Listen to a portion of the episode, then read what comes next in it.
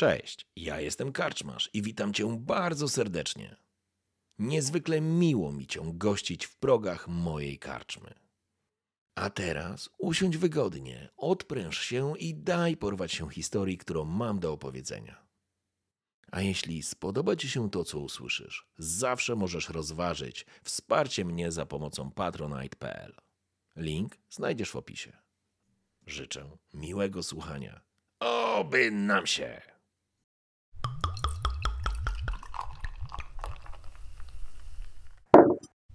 Oglądam ten papier, wącham go, sprawdzam jak jest napisane, czy... No nie wiem, czy... Oglądasz papier, tak powiedziałem, no. znasz trzy albo cztery, mm, przynajmniej nie z nazwy, drukarnie, czy też e, e, tekstylia, które zajmują się tworzeniem papieru w Hochlandzie, jedynie ze słyszenia naturalnie. Jedną widziałeś z zewnątrz, mieści się w tej małej miejscowości, o której wcześniej wspominałem, to jest e, Bergsburgu, który nie ma specjalnie znaczenia.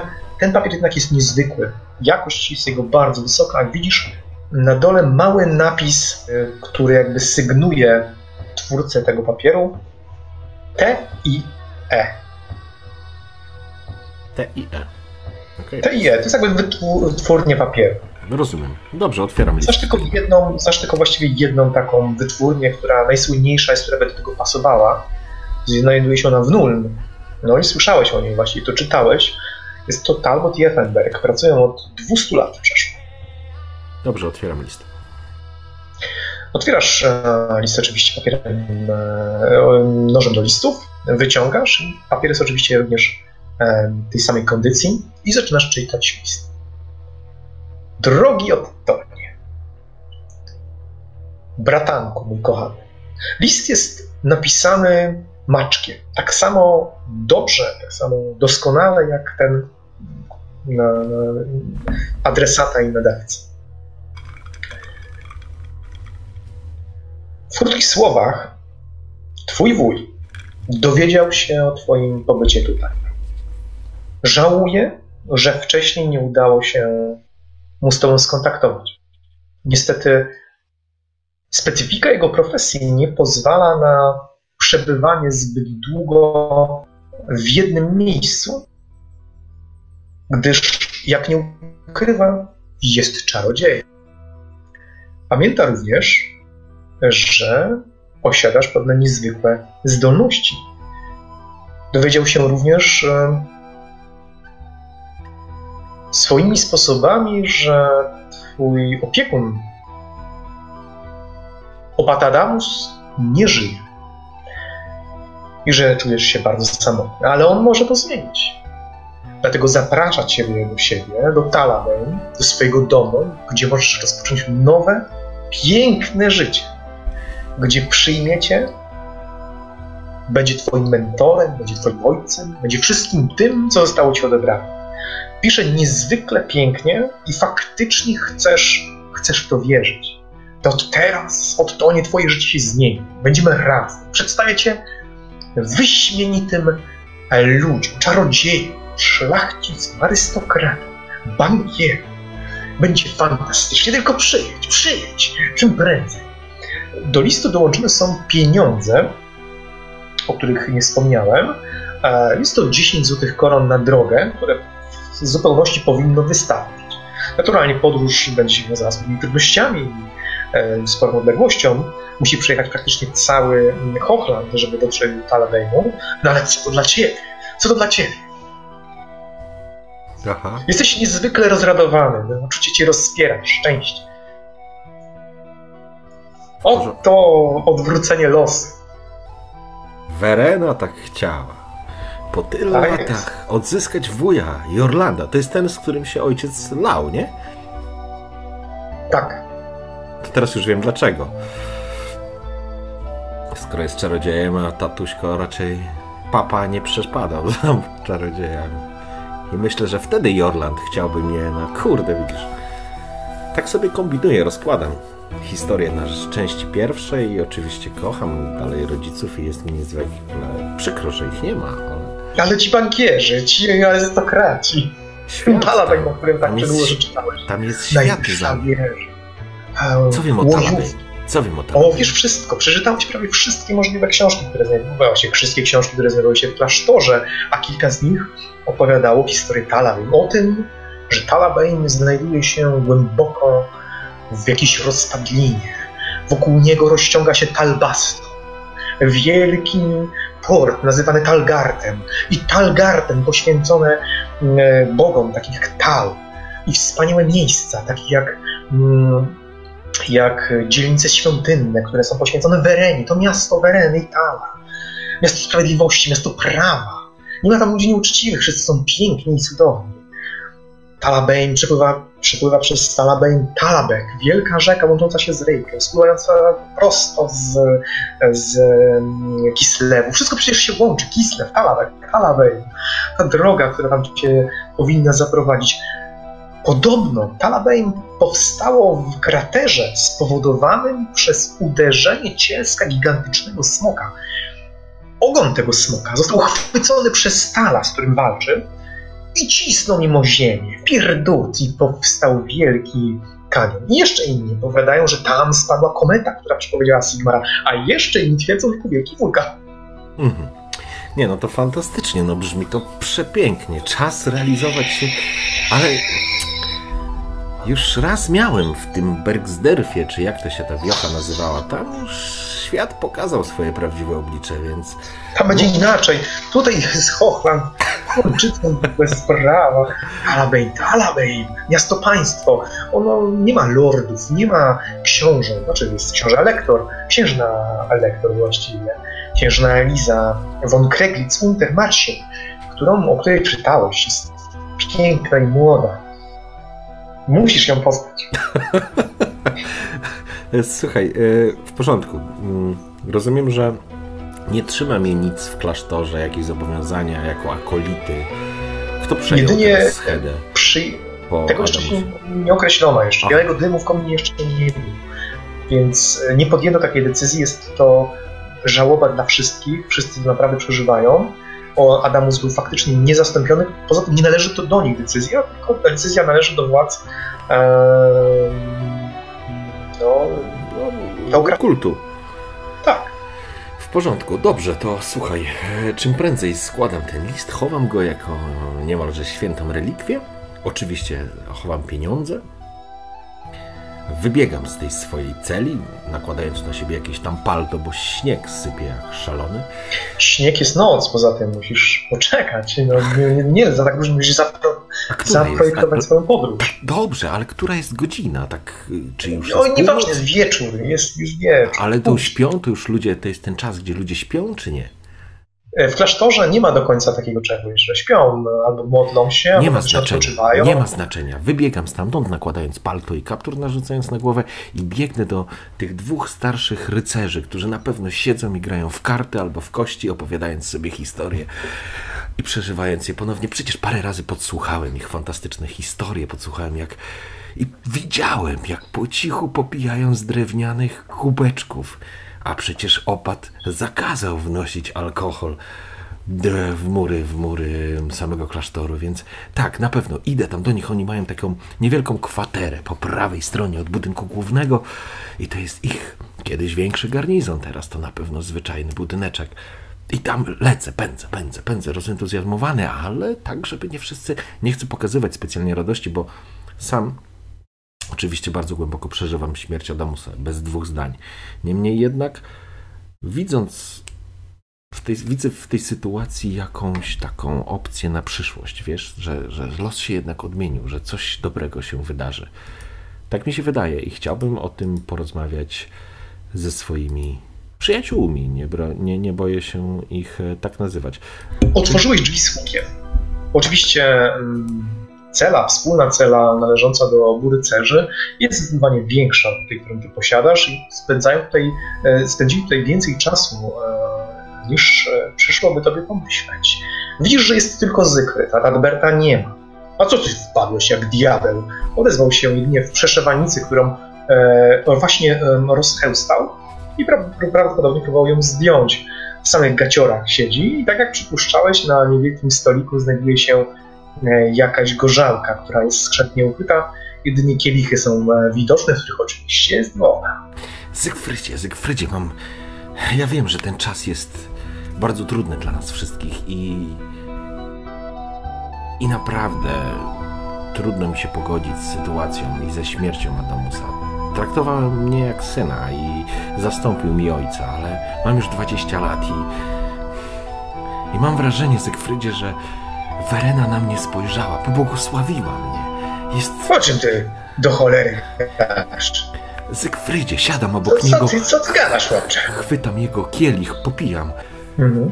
E, także sięgam. Siadasz obok niego, widzisz, że on usiadł przez chwilę na łóżku, ale kiedy usiadłeś po niego, on siedział e, w samych pantalonach, e, w takiej przepasy byłej, stał od ciebie i zaczął iść, coś mamrocząc pod nosem, przygarbiony. Widzisz, że bez zbroi, bez pancerzenia wygląda dosyć marnie, czy mizernie. Jest troszeczkę niższy od ciebie, ale że wiesz, że tęgi wuj kiedyś strasznie. E, Co prawda obaj nie brali udziału w wojnie z e, chaosem, ale mieli liczne inne e, swoje dokonania. Widzisz, że idzie i chwyta z zawieszonego z zawieszonego jakiegoś kołka spodnie i zaczyna je zakładać. Widzi, że ten wieczór nie skończy się e, tak szybko, jakby chciał. Rozumiem, że y, możemy założyć, że jakby to, to wydarzenie, ten, ten list, który do mnie dotarł od wuja Jurlanda z Talabrej, e, nastąpił powiedzmy no kilka dni po, po tym całym pogrzebie, żeby to nie było tak, że... Dwa dni, A, dwa dni, Dwa dni, a to szybko. tylko dwa dni. Rozumiem, okej. No dobrze, w porządku, więc popijam z tego jego kielicha.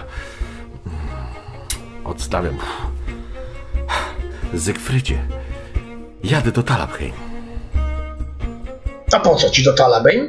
Zakłada spodnie i właśnie e, wkłada pas e, szlówki i widzi, że no jest, nadal przeżywa fakt, że został przez ciebie zaskoczony. Zygfrydzie, Zygfrydzie, i tak nie położysz się spać. A gdzie twój kompan? Tak w ogóle się obracam, lekko zdziwiony. Modli się i ty też powinieneś. Tak, pomodlę się na pewno, ale. Odnalazł mnie mój wuj. Wuj, którego nie widziałem 15 lat. Wyobrażasz to sobie? I teraz, w tej właśnie momencie, kiedy potrzebuję największego wsparcia, on mnie odnalazł i. I chce, żebym z nim zamieszkał w Dalabej. Widzisz, że spogląda list, który wciąż trzymasz w ręce, podchodzi do ciebie i wyciąga e, dłoń. Pokaż. Podaję. Chwyta za list i siada na łóżku Adalberta. Widzisz, że wyciąga go, liże palec i rozkłada. Wącha. Ale nic nie mówi. Nie komentuje. Czyta. Mrużące oczy, oczywiście krzaczaste brwi zarastają jego oczy. Łysina się trochę marszczy. Popijam z tego kielicha, starając się trochę, mimo wszystko, ukryć ekscytację. A no faktycznie. Nie zgłupłeś do reszty. Hm. To ci zrządzenie losu. No, skąd właśnie. do cholery? Ciekawe. No nic, chłopcze. Cóż, stał, wyprostował się. Wy, wypuścił powietrze. Przyjdzie nam w takim razie się niebawem pożegnać. Cieszy mnie to i smuci jednocześnie. Oddaję ci list. Chowam go w zapasie. Ale cieszę się, chłopcze. Cieszę się serdecznie. Kładzie ci swoją e, dosyć dużą e, dłoń na ramieniu. I owłosioną. Zygfrydzie, przyszedłem, bo jesteście najbliższymi osobami mi zaraz po Adamusie, a właściwie już. Ale nie potrafię się smucić w tej chwili. Nie wiem, czy to źle? Czy po- Źle. To było jak zszedłeś do śpiącego mnicha. Tego wiesz, którego. Tego, który wiecznie śpi i którego, którego nie należy budzić. Ten, który przemawia. A ty, jedenastoletni gówniarz, próbowałeś go obudzić za wszelką cenę. Bo gruby się, ze mną, gruby się ze mną założył, że się go nie da obudzić. A ja nie wierzę, że nie ma, nie ma rzeczy niemożliwych, Zygfridzie. Podnosi palec. Proszę cię, przestań. Teraz jest to czcigodny kapłan. Czcigodny Już gruby kapłan. Uś- Uśmiecham się oczywiście. Ale No, masz no, no. Należy mu się szacunek. No nic, w tak podniosłej chwili wypijmy. Wypijmy. Ale nie to. Jest coś specjalnego na tą okazję. Tilańskie.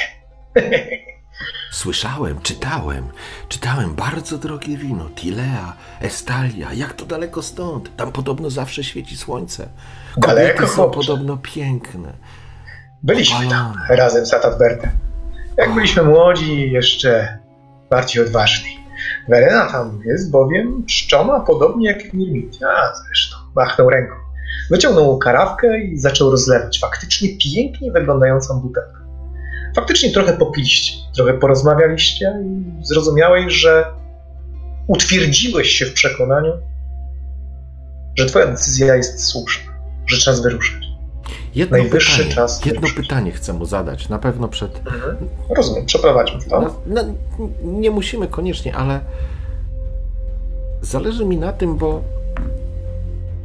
Otton jest bardzo, że tak powiem, młody, otwarty, on chce i widzi, że świat się otwiera przed nim, ale ma to doświadczenie z Bergsburga e, i, i tej sytuacji z Lynchem i, i on mimo wszystko, on już, on już ma pewną świadomość gdzieś z tyłu głowy, że ten świat, który on zna z książek, z opowiadań, z historii, z rozmów i tak dalej, za murami tego klasztoru wygląda zupełnie inaczej, albo może wyglądać zupełnie inaczej.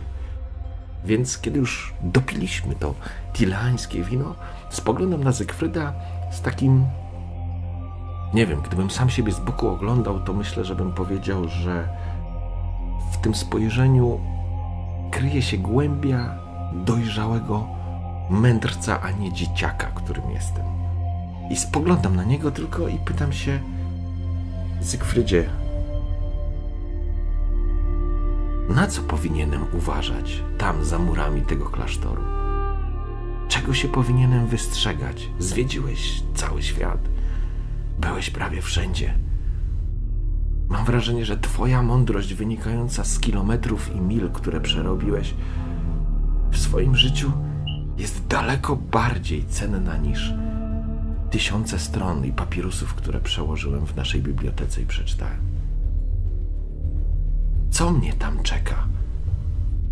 Na co zwrócić powinienem uwagę? Oj, chłopcze. Powiedział to i podłożył sobie otwartą dłoń pod brodę, opierając ją e, o kolano. Zamyślił się, spoglądając w ciemnicy swojego pomieszczenia. Przyglądał się jakiejś pajęczynie i jakiegoś, jakiemuś pająkowi, który tkał wolno swoją sieć. Oj, chłopcze. Świat nie jest taki, jaki mogłoby nam się wydawać. I nie jest taki, jakim byśmy go chcieli. Zasępił się. Tutaj nie mogło spotkać cię nic złego. O, próbowałeś kilka razy testować naszą cierpliwość, ale, ale ogólnie to nie. Mogłeś połamać nogę, spadając z murka, dostać kijem od Albertusa, ale zawsze Adamus wyciągał cię z terapatu. Tam dokąd jedziesz, potrzebujesz protektora. Osoby, która ci pokaże świat. Nie da się w kilku słowach powiedzieć to, co żeśmy z Ad Adbertem oglądali na własne oczy. Widzieliśmy cuda świata i przerażające rzeczy, od których ludziom odchodzą zmysły. Jestem już stary. A tak bardzo chciałbym odstawić cię do Talawej. Ale chyba nie dam rady. A to Berta zapytam, ale wątpię, żeby on się zgodził. Ale chociaż jedną rzecz dla ciebie zrobię, chłopcze. Zaprojektuję twoją podróż. Rozumiesz, chwytasz. Oczywiście. Chcesz Nie znasz plan świata? podróży. Miejscowości, przez które będziesz przejeżdżać. Nie wszystkie drogi są w obecnej chwili przejezdne. Sań. Sań będziesz musiał użyć. Dlatego ja zaopiekuję się wszystkim. Wynajmę ludzi, którzy będą wiarygodni. A ich wiarygodność przetestuję. Zygfrydzie, dziękuję Ci pięknie. E, Wuj przesłał mi również trochę pieniędzy na podróż. Wykorzystaj je, proszę. Daję mu te wszystkie pieniądze, które wysłał wuj, czyli 10 koron. Podaję mu. Proszę. A to, co zostanie... Nie, nie, nie, chłopcze. Spokojnie, te pieniądze się na pewno jeszcze tobie przydadzą. Ach, właśnie, zapomniałbym. Nie będzie chyba lepszej okazji. Opat Adamus coś dla ciebie zostawił. Poprosił, abyśmy to dla ciebie przechowali. Cóż to jest? Pamiętasz, y... interesował się on dobrami twoich rodziców i próbował ciebie zabezpieczyć na przyszłość. Co roku, co kwartał właściwie odkładał niewielką sumę pieniędzy za,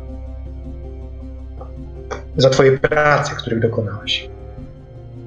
Wykonywałeś różne prace, a w stolarce całkiem nieźle tobie szła. To prawda, to prawda. Przypomnij sobie, kto naprawił twoje łoże. Po tym, jak je załamaliście, A i właśnie. się. Ach, długa historia.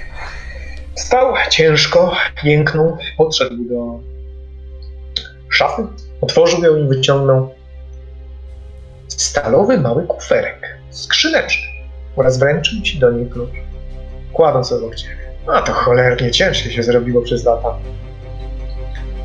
W środku są pieniądze, które udało się Adamusowi odzyskać z dóbr należących do twoich rodziców, jak i pieniądze, które zarobiłeś uczciwie pracując dla klasztoru. I nie tylko. Są tam i moje, i Atadberta, i Adamusa prezenty dla ciebie. No i list niedawno napisał, z miesiąc albo ze dwa temu. No bo tam włożyłem, bo prosił o to, że do ciebie zaadresowany, ale nie czytaj go teraz. Nie teraz, jest za wcześnie. I dla ciebie, i dla mnie, i dla tata Berta, i dla grubego twu, dla czcigodnego kapłana. I dla wszystkich tutaj. Bo wszyscy tutaj ciebie polubili. No, może poza Schrödingerem, ale ten to dziad straszny zawsze On chyba sam siebie nie lubi, Zygfrydzie. O, tylko z tobą ten szlachciura rozmawia. Tylko z tobą. No nic, chłopcze. Dla mnie już trochę późno. A i ten alkohol mocny. A Tadbertowi nie przeszkadzaj, w kaplicy się mówi. Jutro zajmiemy się twoją sprawą. Najdalej za tydzień ruszysz. Droga nie powinna być dłuższa niż dwa tygodnie. Sanie będą sobie z trudem radzić po tych pierwszych śniegach. Torować trzeba będzie. A ty, chłopcze, nic nie wiesz o życiu i o torowaniu. Ale przyjdzie ci się przekonać. No nic, idź, uciekaj spać. Dziękuję ci, Zygfrydzie. Za wszystko ci dziękuję. Nakładam kapotę. Nie, nie ma za co, chłopcze. Zostaw starego rycerza samemu sobie. I chwycił za butelczynę. Czy ja mogę wziąć tą skrzynkę, czy mam ją zabrać teraz? Tak, ona jest malutka. W porządku, zabieram. ją. Pokażę ci mniej więcej jaką wielkość. No mniej więcej taką Okej. wielkość. Kuferek taki malutki, okej. Taki kuferek podróżny. W porządku, Stalowa, drewniana. porządku. Okuta właściwie e, żelazem. E, oczywiście w środku znajdują się przedmioty, o które wcześniej e, tobie zapisałem na karcie. Czyli znajduje się, jest to sekretarzyk właściwie. Z przeliczonymi e, 420 złotymi monetami z Hochlandu, kilkoma pierścieniami oraz kolekcjonerska moneta z symbolem Wereny. Piękna, srebrna, duża moneta, która równocześnie może być medalionem, oczywiście jeżeli wcześniej się w jakiś sposób inkrustu- inkrustuje coś. E, oraz list od opata Adamusa. Nie jesteś specjalnie gotowy na przeczytanie go tak niedawnej śmierci e, opata. Boisz się, co do ciebie napisał. Boisz się, że przewidział swoją własną śmierć. Boisz się, właściwie nie wiesz czemu, sam czego. Boisz się życia. A jesteś go ciekawy. Ach, no nic, przeglądam. Przeglądam tylko to, co jest. Myślę, że faktycznie jeszcze tego listu dzisiaj nie przeczytam, choćby z szacunku do słów starego Siegfrieda. A Gdzieś to ukrywam. Ukrywam. Nie ma tutaj złodziei, więc po prostu odkładam gdzieś na jakąś swoją półkę. Nie, faktycznie. Nie zdarzyła się tutaj kradzież, nie słyszałeś o takim.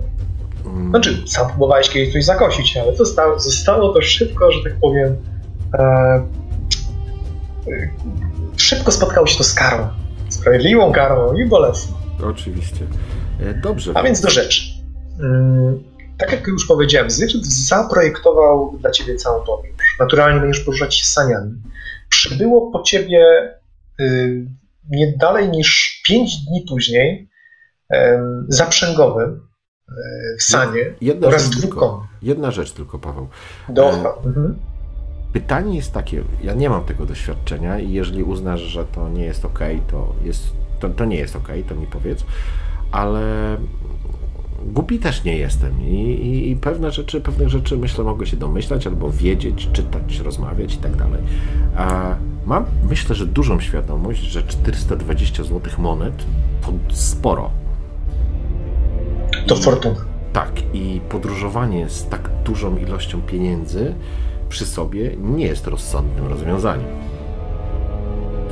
Ale może zapewnić ci przyszłość, byt Talabej. Tak, ale pytanie jest inne. Czy ja mogę, czy jest taka możliwość? Bo jeżeli jest, to na pewno chciałbym o coś takiego poprosić Zygfrida, żeby wpłacić te pieniądze do jakiegoś banku i móc je wypłacić w innym miejscu w imperium? Żeby nie nosić Owszem. gotówki przy sobie. Jak najbardziej. Są dwa rodzaje znane tobie banków. Pierwszy bank to krasnoludzki e, na wysoki procent, jak i również imperialny na jeszcze wyższy procent. Ogólnie rzecz biorąc, te banki funkcjonują, ale funkcjonują jedynie w większych miejscowościach, gdzie da się im zapewnić jako takie bezpieczeństwo. E, raczej taki bank możesz znaleźć w Talabej. Na pewno w Talabej, na pewno w Nul, w, Rozumiem. w Wurtbadzie, może w większych po prostu miejscowościach, jak Aldorf, czy, czy, czy Linheim, czy na przykład y, Averheim. Ale nie sądzisz, że na pewno w Hergik był taki oddział. Była taka możliwość, ale Hergik już nie ma. Rozumiem. Hergik puszczono z dymem. Dobrze, w porządku. W takim razie, mm, jeżeli nie mogę, no to będę czekał. Znaczy, masz możliwość wysłania kuriera, tak, z pieniędzmi. E, masz możliwość e, zapłacenia, opłacenia jakiejś grupy ludzi, która te pieniądze po prostu przewiezie. Masz możliwość napisania listu do Talabey, do banku, która jakby zabezpieczy Twoje dobra, przyjedzie po te dobra, odbierze je, a następnie e, wpłaci na jakąś lokatę, tak? Albo przewiezie Ci chociaż do Talabey, w którym się będziesz znajdować. E, no niemniej jednak e, będzie to dosyć drogi proceder i nie wiem, czy nie warto zaryzykować. W porządku. To być może załatwię to na miejscu, w samym Talabane. To w takim razie biorę cały ten swój majątek. Myślę, że go podzielę na kilka części, żeby nie wszystko było w jednej skrzyneczce. Bo różne rzeczy na trasie można spotkać. E, I cóż, i na pewno Skarpetę znaczy wsadzasz. To znaczy, na pewno dzielę to na jakieś mieszki, wiesz, żeby nie było wszystko w jednej skrzynce, no tak mi się wydaje, bo to, to jest myślę ryzykowne w tak długiej podróży. Um, Dobrze. I chciałbym na pewno złożyć datek na klasztor. I tym samym... Jak po- duży datek? E, czy 420 zł monet to z Hochlandu to jest równowartość koron złotych? Tak. Wartość e, monety hochlandzkiej jest taka sama jak monety z Aldorfu, z Talabeinu czy e, z Za Nul. listę jest to majątek. Jest to majątek. Dodatkowo są to pierścienie, prawdopodobnie należące do rycerzy i do twojego opiekuna. No i jest ta kolekcjonerska moneta, która bardzo, którą bardzo trudno sobie wycenić. Jeżeli miałem na tyle czasu, to bym zrobił z tej monety do mojego wyjazdu wisior, który bym miał na szyi i po prostu taki medalion zrobić. Nie wiesz o co chodzi. Tak, tylko że to bardzo droga musi być rzecz, dlatego nie wiem, czy warto się z nią obnosić. Ach, w porządku. No dobrze, to w takim razie y, to w takim razie nie. Możesz zrobić do niej wisior oczywiście do tego czasu. Ale niekoniecznie musisz go nosić, tak? Jasne. Dobrze, to nie przyciągając, y, oczywiście no, na pewno chcę dać ten datek. Myślę, że dam datek w wysokości. Hmm. Wszystko zawdzięczam temu klasztorowi, tak. I Adamosowi, tak prawdę powiedziawszy. 50 złotych koron złożę w datku. To dużo. Tak, zdaję sobie sprawę, że to jest dużo. I. Okej, okay, zostało ci 370. Przejeżdżając przez. Aha, dobra, bo to być może będzie element yy, sesji. Yy, na pewno chciałbym zamówić kilka tilańskich butelek wina tilańskiego. Stilei. Tilei, o. E, dla Siegfrieda i Ad Alberta, ale to myślę, że z drogi im po prostu prześlę gdzieś, nie? No cóż, nie wiesz, czy będzie miał możliwość wykupienia tilańskiego wina, to oczywiście niezwykle rzadki trunek, ale może w Talabej mi się coś takiego uda zrobić. Dlatego gdy dotrzesz do Talabej, z pewnością będziesz mówił, a, życie tam przecież przed tobą stoi otworem, wszystko tam będziesz mógł zrobić. To Oczywiście. wspaniałe miasto. Oczywiście. Tak jak już powiedziałem, przyjechało po ciebie dwóch ochroniarzy oraz mm, y, woźnica czy powoźnik sań, e, które, to jest, które to są wyposażone w konie naturalnie, e, napędem są konie, i załadowałeś cały swój dobytek. Swoje ubrania, przedmioty prywatne, swoje medykamenty, jakieś, wszystko to, na czym tak naprawdę się znasz. Naturalnie e, sumy świętej Wereny, które zajmują dosyć sporo uwielbiasz je czytać, prawie można powiedzieć, że znacznie na pamięć, możesz je recytować. Czy była możliwość yy, wzięcia ze sobą mapy jakiejś? Z biblioteki? Czy w klasztorze mogą się znajdować mapy? Myślę, że mógłbyś przerysować jakieś książki. Tak, żeby nie ukraść mapę oczywiście. Hochlandu. Tak, tak to mapę Hochlandu. Przerysował mhm. sobie. A przynajmniej drogę, którą zaprojektował tobie Siegfried ten kawałek, ten kawałek imperium myślę, że chciałbym po prostu sobie przerysować, żeby nigdy tam nie byłem, więc e, warto po prostu wiedzieć, a może gdzieś po drodze kupię inną. Okej, okay, dobra. A więc samej drogi nie będziemy e, za długo opisywać, tylko chciałbym wspomnieć, że tak jak powiedziałem, przyjechał po ciebie kordon zbrojnych mężczyzn, zakutych w stal, w pancerze, w brygandyny, w miecze, w, w pochwach przywleczonych do, do siodeł czy do pasów e, wokół talii, ubranych w skóry, w czepce, czasem kolcze, czasem skórzane, dwóch rosłych facetów. No i naturalnie woźnica, który targał twój sprzęt na, na sanie. Wcześniej oczywiście wszyscy zostali opłaceni. Mężczyzna podszedł jednakże do ciebie w momencie, kiedy najwyraźniej za bardzo gwiazdorzyłeś albo zwracałeś mu uwagę na delikatność różnych przedmiotów. Chwycił ciebie za ubranie i przyciągnął do siebie. Poczułeś wówczas odór wydostający się z jego ust przegniłych kołków zębów znajdujących się w jego paszczy. Wykrzywiona twarz oraz wiecznie pijane oczy wystające spod czapy. Słuchaj no, kurwa chłopcze, Jedziemy przez niebezpieczny teren, przez lasy, w których znajdują się zwierzę ludzie. Do jasnej cholery. Jeśli spróbujesz zachowywać się tak jak teraz, obiecuję, że nie dojedziesz do końca tej wyprawy. Rozumiemy się? To, oczywiście. No, poprawił strój na twoim twoją szatę kapłańską, czy no, myślę, że to nie jest szata kapłańska, myślę, że jest to zwykły podróżny strój, normalne, normalne odzienie chłopskie. E, zapakował spokojnie twoje rzeczy i faktycznie podróż rozpoczęła się. Ośnieżone lasy, oddalające się wzgórza i góry środka świata.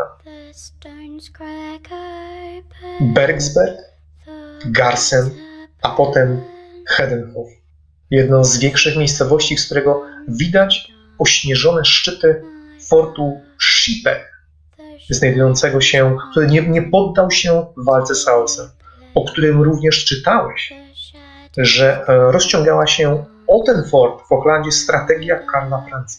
Miał on niezwykłe znaczenie i podobno do niezwykłe właściwości. Czytałeś również historię, że podobno została tam umiejscowiona jakaś tajemnicza arka. Tam miałeś przesiadkę.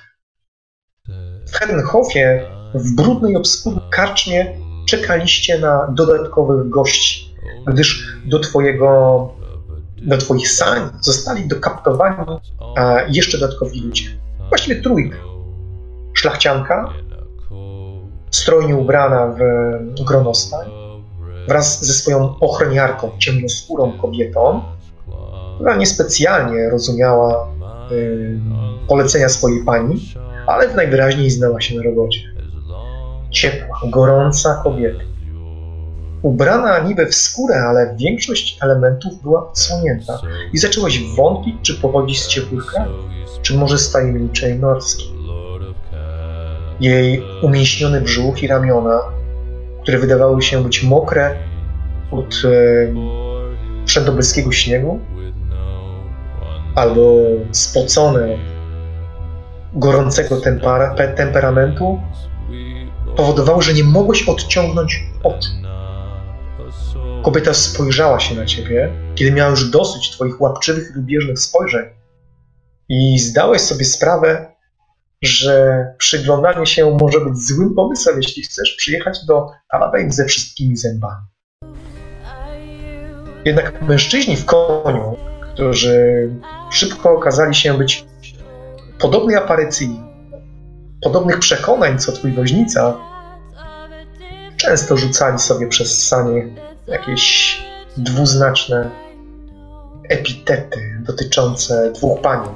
A sama szlachcianka wydawała się być tym albo nieprzejęta, albo tego nie słyszeć, a może żywo przerażona, że zatrzymacie się gdzieś w środku nocy. Próbuję I nie wszyscy dojadą. Również i w Gersen e, został dołączony do waszej drużyny, podróży, tak wolisz nazywać to. Świniopas, co by dużo nie mówić. Dom. Ze świnią, dosyć dużą, korpulentną, z którą wszedł na wóz. Gada, mówi do ciebie. Ona gada. No mówię. Jadę do Talabain, do jakichś czarodziei. Do, do czarodziei Jadeitu albo czarodzieja y, bursztynowego. No bo ona gada, zaczęła gadać pewnej nocy i po przesileniu nie chce przestać. Wik! Świnia kwiknęła i wcale nie wyglądało to, żeby chciała specjalnie rozmawiać. Ej, ty, tyś kapłan, prawda? Tak. Widzę wisior Prawie. No, no, spójrz Nie, pan, no. nie, nie mam wisiora, ale mam na pewno jakiś symbol, nie? Wyszyty może. Czarodzi czarodziejska świnia! Wkłada ci tego śmierdzącego brunasa ci na kolana, a kobieta wrzeszczy, wgrzywa oczy, żeby zabrać to wszystko, bo jej śmierdzi. Oczywiście zaczęła się być szamotanina, zatrzymaliście się w środku To magiczna świnia, pani. jasno, i wyniknęła z tego całkiem niezła krotochwila. Nie bro- jednak nie broniłem świn, świni. świniopas puścić dom nie chciał, ale był życzliwym człowiekiem w przeciwieństwie do wszystkich pozostałych siedzących w saniach i podczas wyprawy poczęstował cię bardzo dobrą swojską kiełbachą. Jak się przyjdzie, przyjdzie okazać, przez długi czas będziesz wspominać tą dobrą kiełbachę, już długo jeść nie będziesz. I wówczas, pod wieczór, zobaczyłeś wznoszące się wzgórze. Woźnica powiedział, właściwie krzyknął przez wicher i śnieg, przez ciemność, przez którą jechaliście nie z lampą, zawieszoną na kiju tuż przed koniem. To Albaston. I zdałeś sobie sprawę, że jesteś blisko, że jeszcze tego wieczora dotrzesz do Talaby, licząc, że twój wuj będzie cię wyczekiwał w tym wielkim mieście. Rozumiem, że ze szlachcianką nie udało mi się nawiązać kontaktu żadnego. A chcesz? Nie wiem, czy chcę, ale na pewno, jeżeli podróżowaliśmy razem przez jakąś tam część drogi, próbowałem za, zagadać, no jeżeli mnie spuściła na drzewo. No to zobaczmy, jak ci w takim razie wyszło. Chciałbym, żebyś e, rzucił w takim razie, wykonał swój pierwszy test na ogładę. E, Może ci pomóc oczywiście rekszpil, o którym mówisz. Masz plus 10, już masz plus 10 do ogłady. E, Masz plotkowanie, ale to ci nie daje żadnego, po prostu ma- masz możliwość splotkowania bez żadnych. Masz przekonywanie. Ale czy tak naprawdę chcesz przekonywać? Raczej nie. Raczej po prostu chcesz pogadać. No więc pogadajmy. Masz 40, 51%. O, rozumiem. A czy na przykład podczas całej drogi zwróciłem uwagę na jakikolwiek element, e, który mógłby mi podpowiedzieć, czym ona mogłaby się interesować? E, skąd pochodzi? Może jest herb, skoro jest szlachcianką? Może będę wiedział z jakiego A i owszem, prawdopodobnie taki e, herb mógłbyś zobaczyć. Naturalnie znasz się na herbach i mógłbyś przypuścić, kim właściwie ona jest, z jakiego rodu się wywodzi. Czy jest to jakiś ród mniejszy, czy może wręcz przeciwnie, jest to jakiś znana, jakaś znana rodzina. Myślę, że znana rodzina by nie jechała ze świniopasem, ale z drugiej strony e, szukam raczej punktu zaczepienia, żeby, żeby nie wyjść jak chmiot, tylko jak wykształcony i oczytany człowiek. No dobrze. Dostrzegasz, że jej herb jest w dwóch kolorach. Jest w kolorze cze- czerwonym oraz w kolorze złotym. Właściwie żółtym, bo złoto nie dohaftowano oczywiście do tego, nie wpasowano w ramię, chociaż często się to również robiło.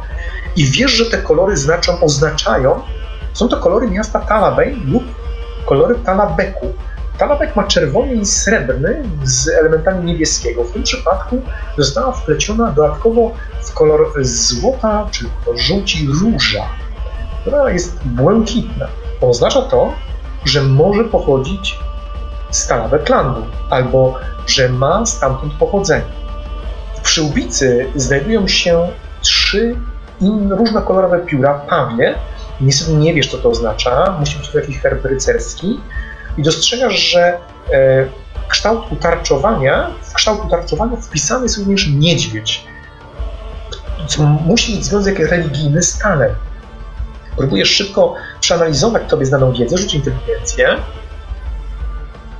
No dobrze, rzucam. O. A ty O, panie Peketisz, e, co ci może tutaj pomóc? Chyba nic. No niestety nie wyszło. Masz oczywiście naukę heraldykę, ale tak A- czy siak testu nie A, zdałeś. a teologia tutaj w nauce jest? Y, jest teologia. No Ale- dobrze, nawet jeżeli dałbym ci plus 10, to i tak niestety mi nie wychodzi. No, Nie podniosłeś sobie inteligencji niestety. Nie. Tym samym to, co ci tylko powiedziałem, że Rozumiem. gdzieś w okolicy Talabej jakaś rycerska rodzina. Szanowna pani zmierza do Talabej? Cóż za fantastyczny zbieg okoliczności. Ja również. Jestem akolitą z klasztoru Wereny, a widzę niedźwiedzia w herbie, jak rozumiem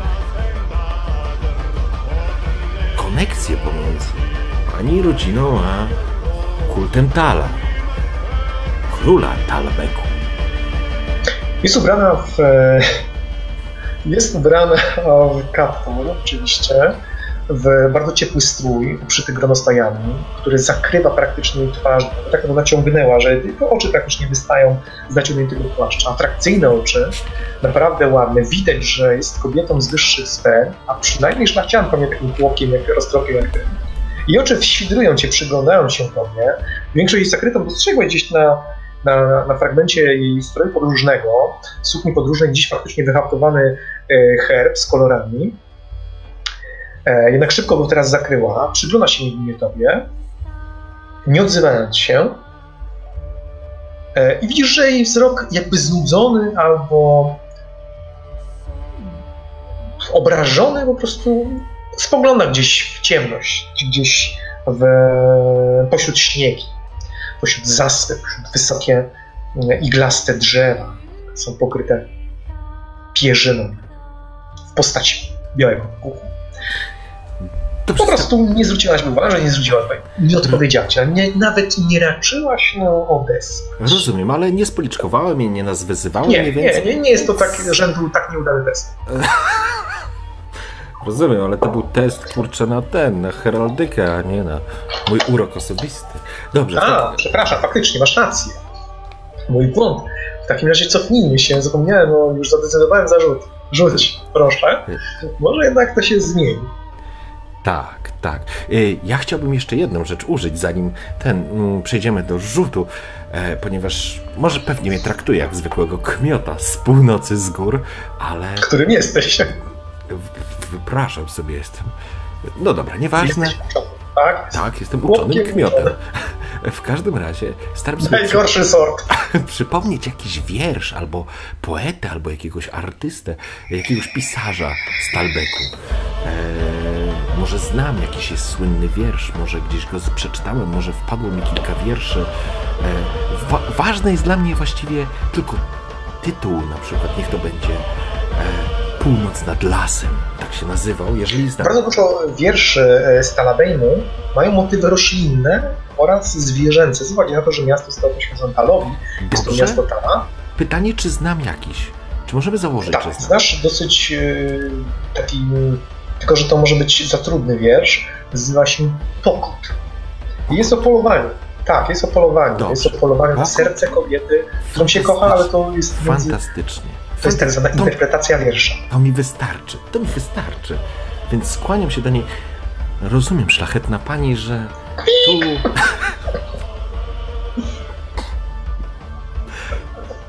To było podłe. Rozumiem, szlachetna pani, że ta podróż to nie deski teatru, w którym wystawiana jest interpretacja pokotu. Ale może porozmawiajmy, no przecież Trudno rozmawiać ze świnią, która teoretycznie mówi. Uśmiechał się, rozkładając uroczo dłonie i starając się nawiązać jakąś nić komunikacji. No to zobaczmy, czy ci się udało. Nic ode mnie nie otrzymujesz za tą próbę. Naprawdę? Za pokot? No dobra, rzucam. Nie. Mam ogładę 41. I coś mi wpływa tam po Plus 10 za rekszpil. O, tak. Mówisz w języku, dosyć dobrze mówisz w tym języku. Przepięknie mówię w języku. 50, To prawda, bardzo 50, ładnie. 51, rzucam. Jest. No, faktycznie się udało. Słucha ciebie, wpatrując się w pośnieżone e, szczyty, pozwoliłeś sobie nawet zacytować jakiś fragment z pokoju i naprawdę dobrze recytowałeś, że nawet świnia, która akompaniowała ci we wszystkich najważniejszych zwrotkach, no i oczywiście chłopek, który tam opowiadał swoją historię, rozmawiał, czy prowadził monolog z atrakcyjną, ogrz- ogrzaną, czy ogorzałą słońcem e, panią ochroniarz, która oczywiście wzgardziła nim, e, ale ze świnią e, nawet przyjemnie jej było spędzić czas. Kobieta zwróciła się w twoją stronę i odsłoniła twarz.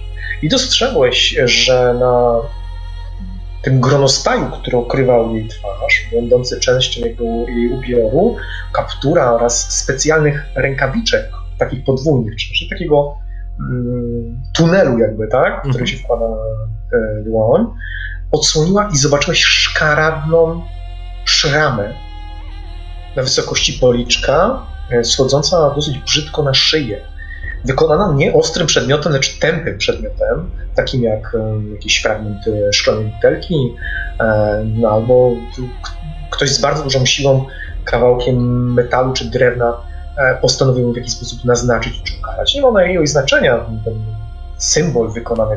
Ważną rzeczą jest, że ale- się nie przyglądam tak nachalnie. No nie wiem, czy będziesz w stanie opanować się.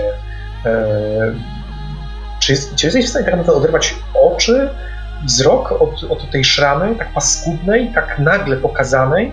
I nie, zostałeś e, jakby poinformowany o tym, że to było zaskoczenie. Myślałeś, że w ciemnościach, że jest jakiś defekt wynikający ze światła otaczającego, czy, czy może śniegu, czy, czy wichru. Myślę, że nie możesz przestać patrzeć na tą, na tą szkaradną szramę. Kobieta e, w wieku nie więcej niż e, 35 lat, em, bardzo zadbana, no, nie jest osobą nieatrakcyjną, wręcz przeciwnie. Raczej dla ciebie to wszystko jest atrakcyjne poza świnią, e, ale naprawdę jest niezwykłej urody, ale tak szkaradna blizna na twojej twarzy po prostu powstaje grymas, próbujesz go ukryć, ale jest to niezwykle trudne. Kobieta jednak nie wydaje się widzieć e, twoje zażenowanie czy, czy wstręt. Aż tak? E, zrobiłeś na, nią, na niej wrażenie. Myślę, że tak, że, że takie rzeczy raczej nie zostają bez echa. To nie jest ładna, cięta szrama Ciri, tylko naprawdę paskudna rzecz. Niezwykła. Odezwała się łagodnie, próbując przekrzyczeć, e, przekrzyczeć wiatr jednocześnie. Niezwykłe, powtórzyła. Ty Skłaniam. nie możesz wciąż oderwać, oderwa, oderwać wzroku od szramy. Ale staram się, staram się mimo wszystko, żeby nie zaprzepaścić Spoglądasz w końcu, w końcu w oczy, tak. Mhm. Skłaniam się. Jak, jak pana, jak ojca godność? Nie jestem jeszcze wyświęconym kapłanem Wereny, jeno zwyczajnym akolitą. Zwą mnie Otton. Otton Peckendish. Skłaniam się jeszcze raz. Peckendish. Wydaje mi się, że gdzieś słyszałem to nazwisko. Hm. Może się pomyliłem. To Klara. Klara Untermünchen. I nagle zdałeś sobie sprawę, że nie jest to zwyczajna osoba. Że jest to osoba związana z rodziną Elizy von Kreglitz Untermärchen. To jest Untermersien, tak? Zależy. Jest Untermerś i Untermärchen, chociaż to ta sama rodzina, to w, znajduje się tu pewna różnica. To już jest jakby kwestia rodowa. Okej, w porządku. Po prostu skłaniam się. Historia mojej rodziny jest dosyć trudna. Związana jest z Hergik. To ponura historia na tak ponurą noc. Szlachetna pani, skłaniam się. Zrobił mi pan wielką przyjemność. Akolito. Odtonie. Tym wierszem. Czy był pan kiedyś na deskach teatru w Talabej? Nie, jeszcze nie, szlachetna pani, ale wiele o nim czytałem. Czytałem o fantastycznych miejscach Talabhej. Słyszałem o, o smukłych wieżach, o pięknym klejnocie zatopionym w sercu puszczy. Jadę tam. Po raz pierwszy w życiu. I wierzę, że Najświętsza Werena poprowadzi mnie tak, aby, abym mógł obcować z czymś, z czym jeszcze nie miałem do tej pory wiele wspólnego. Choć z pamięci mogę opowiedzieć, szlachetna pani, jak wygląda fasada tego teatru, jak wyglądają zabudowania i jaki jest rzut architektoniczny tego miejsca. Ale niestety. To obskurny, choć wielki budynek. Wcięłać się w słowo. Czerwony pionek jest miejscem raczej dla swołodzi, ale zdarzają się tam perełki w postaci sztuk, takich jak pokój. Ma pan niezwykłą dykcję, Otton. Może wspomnę dyrektorowi o panu Peckendish, prawda? Zgadza się. Odtąd. Byłby Postaram się zapamiętać. zaszczycony. Postaram się zapamiętać. Rozumiem. A ty postaraj się, młody człowieku, nie wcinać się moim zdaniem. Uśmiecham się. Ale Może nie uraczysz mnie jeszcze jakimś poematem? Oczywiście. Skłaniam się. Nie jestem oczywiście bardem, trubadorem ani poetą, szlachetna pani, ale trujący bluszcz to na pewno trafi w pani gusta. Jeżeli zrozumiała tą zaewoluowaną aluzję, to nie dała po sobie poznać. Żadnej aluzji w tym nie było. Oczywiście, że nie. Przykowała twój wzrok oczywiście już również zainteresowana tonem twojego głosu ochroniarka, o której nie mogłeś oderwać wzroku mm, wpatrzony w jej brzuch. Chociaż teraz świadomy, że możesz za to w ryj. Oczami wodziłeś po całości. Czasami wstając nawet w saniach, gdy droga była łagodniejsza, a woźnica nie chciał być wredny, i pozwalałeś sobie na gestykulację. Faktycznie zrobiłeś wrażenie tym pierwszym występem i teraz, niezależnie od udanych czy nieudanych prób, kobieta Klara doszukiwała się wręcz artyzmu w nieudanych próbach odzorowania czegoś e, poprzez twoje wystąpienie. Niemniej jednak zrobiłeś na niej wrażenie, nie na tyle, żeby rzucała się tobie do stóp, ale na pewno ciebie zapamięta, przynajmniej tak ci się wydaje. Zrobiłeś na nią wrażenie. Zrozumiałeś również, że jest osobą zmanierowaną, chociaż myślę, że tobie to pojęcie jest jeszcze nieznane. A szokuje cię fakt, że pierwszy raz w życiu poza murami klasztoru masz możliwość rozmowy z kimś, kto może, kto na pewno jest na twoim poziomie. Pomimo tego, że zaniżasz sam swoje umiejętności, to wydaje ci się, że, że aspiruje ona do tego miana, albo ty aspirujesz do jej poziomu intelektualnego. To jest przyjemne uczucie. A świniopas, zdając sobie sprawę, Don, że no niespecjalnie pasuje do tego towarzystwa, nie umieszkał sobie przypomnieć. Chyba tu nie pasuje.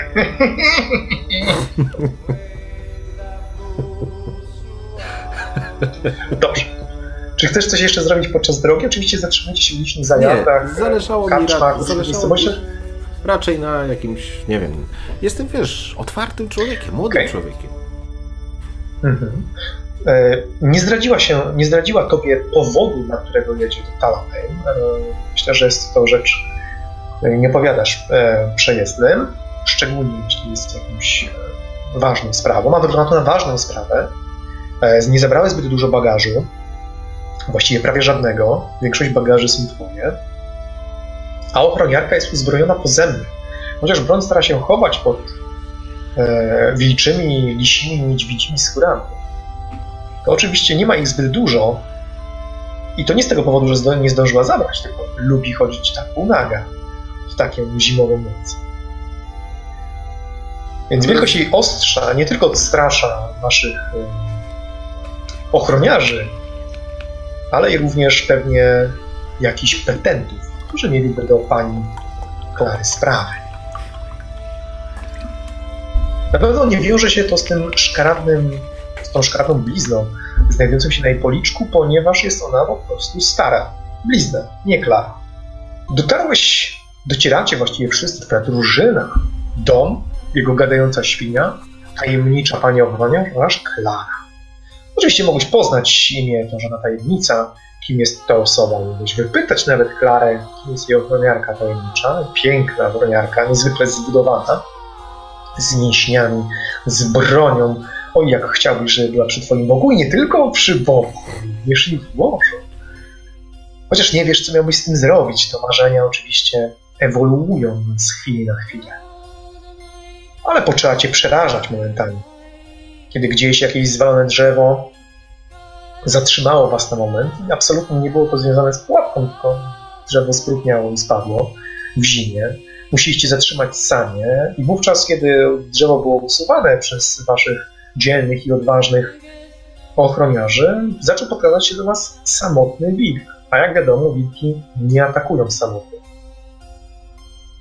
Godzisz, bo tak się nazywa, zlazła z sali, nie mówiąc nikomu, wyciągnęła półtora ręczny, pięknie stylizowany miecz bez jelca i rozpłatała go na oczach tak, że świnia aż podskoczyła, próbując wsunąć się pod siedzenia e, wykonane w sali. Oczywiście nie zmieściłoby ich grube dubsko, to on musiałby dobrze żywić. To musi być dobry gospodarz. Jak świnia jest gruba, to i gospodarz jest dobry. Świnia uciekła, jak wracała z zakrwawionym mieczem, wycierając o śnieg, to świnia kwiczała, jak wyszła na świniobicie. Zacząłeś myśleć, że świnia zaczęła gadać, bo świniobicie się zbliżało i trzeba było czymś niezwykłym zabłysnąć. I wówczas Don e, usłyszał, że gada. Ale podczas podróży nie zdarzyło się, żeby świnia do ciebie przemówiła. Tak też, no cóż, liczysz, że Don odnajdzie pomoc w rękach albo lekarzy w, z hospicjum Szanili, albo w rękach faktycznie magistrów, e, czarodziei, kolegów Jadeitu, Jaduszte. Talabein to niezwykłe miejsce. Kiedy zacząłeś przejeżdżać przez główną bramę, przez zabudowaną na Talbastonie, dostrzegłeś rozciągającą się, rozciągające się miasto. Od tonie na długo zapamiętasz ten widok. Przez moment przyszło ci do głowy, że miasto musi być gigantyczne. Ale Talbaston widziałeś tylko jego część i zbudowane na nim forty. Teraz widzisz ogrom tego, co nazywane jest kraterem. Nie są idealne. W innych miejscach wyższy, pnie się w górę, w innych miejscach opada, jeszcze innego nie ma. Przecięty, przerwany lub przełamany przez rzekę, przez Talbek. Przez inne rzeki spływające do Talabeku, przepływające przez wnętrze krateru. Widzisz tnące się wieżyce zbudowane na tej na tym niezwykłym tworze natury, który został przerobiony na fortyfikację. Po lewej i po prawej stronie, jak okiem sięgnąć, widzisz Talbasta. I te niewielkie drogi przecinające go, próbujące się na niego wspiąć lub wyłamujące gdzieś jego wnętrze. A na jego grani znajduje się Talby. Twoim oczom pierwsze, co zauważyłeś poza Talbastonem, rzeką Talabek, perliście szklącą się w nocnym niebie. W oświetleniu nocnego nieba dostrzegłeś najwyższą wieżę, nazywaną kroplą. Znajduje się ona na samej rzece, na Talabeku, zbudowana gdzieś wewnątrz może na środku, może bliżej którejś ze stron, zbudowana, wzniesiona w sposób naturalny również, co mogłoby świadczyć faktycznie, czy poświadczać o tym, że mógł spaść tutaj gigantyczny obiekt. Gdyż, jak wiesz z mądrych książek, wewnątrz takiego miejsca zawsze tworzy się forma izotopu wyrastającego z ziemi na skutek tej eksplozji czy uderzenia. Sił, które po prostu się ścierają. Może właśnie na tym oparto czy zbudowano najwyższą wieżę. To miejsce władzy. Miejsce Elizy, przepraszam, księżnej elektor Elizy von Kreklitz-Unterberg. Najpotężniejszej osoby w Talmej, decydującej o wszystkim. Przynajmniej tak czytałeś. Dostrzegasz w ciemnościach ogrody Talgard. Z daleka światła Talgardu oraz małego Kislewu. Dostrzegasz tysiące świateł na ziemiankach, których tylko czytałeś. I to Wrota Północy i Schwarzhold. Dostrzegasz teraz te wszystkie piękne budynki. Dostrzegasz wielką dzielnicę prawa. Właściwie nie dzielnicę prawa.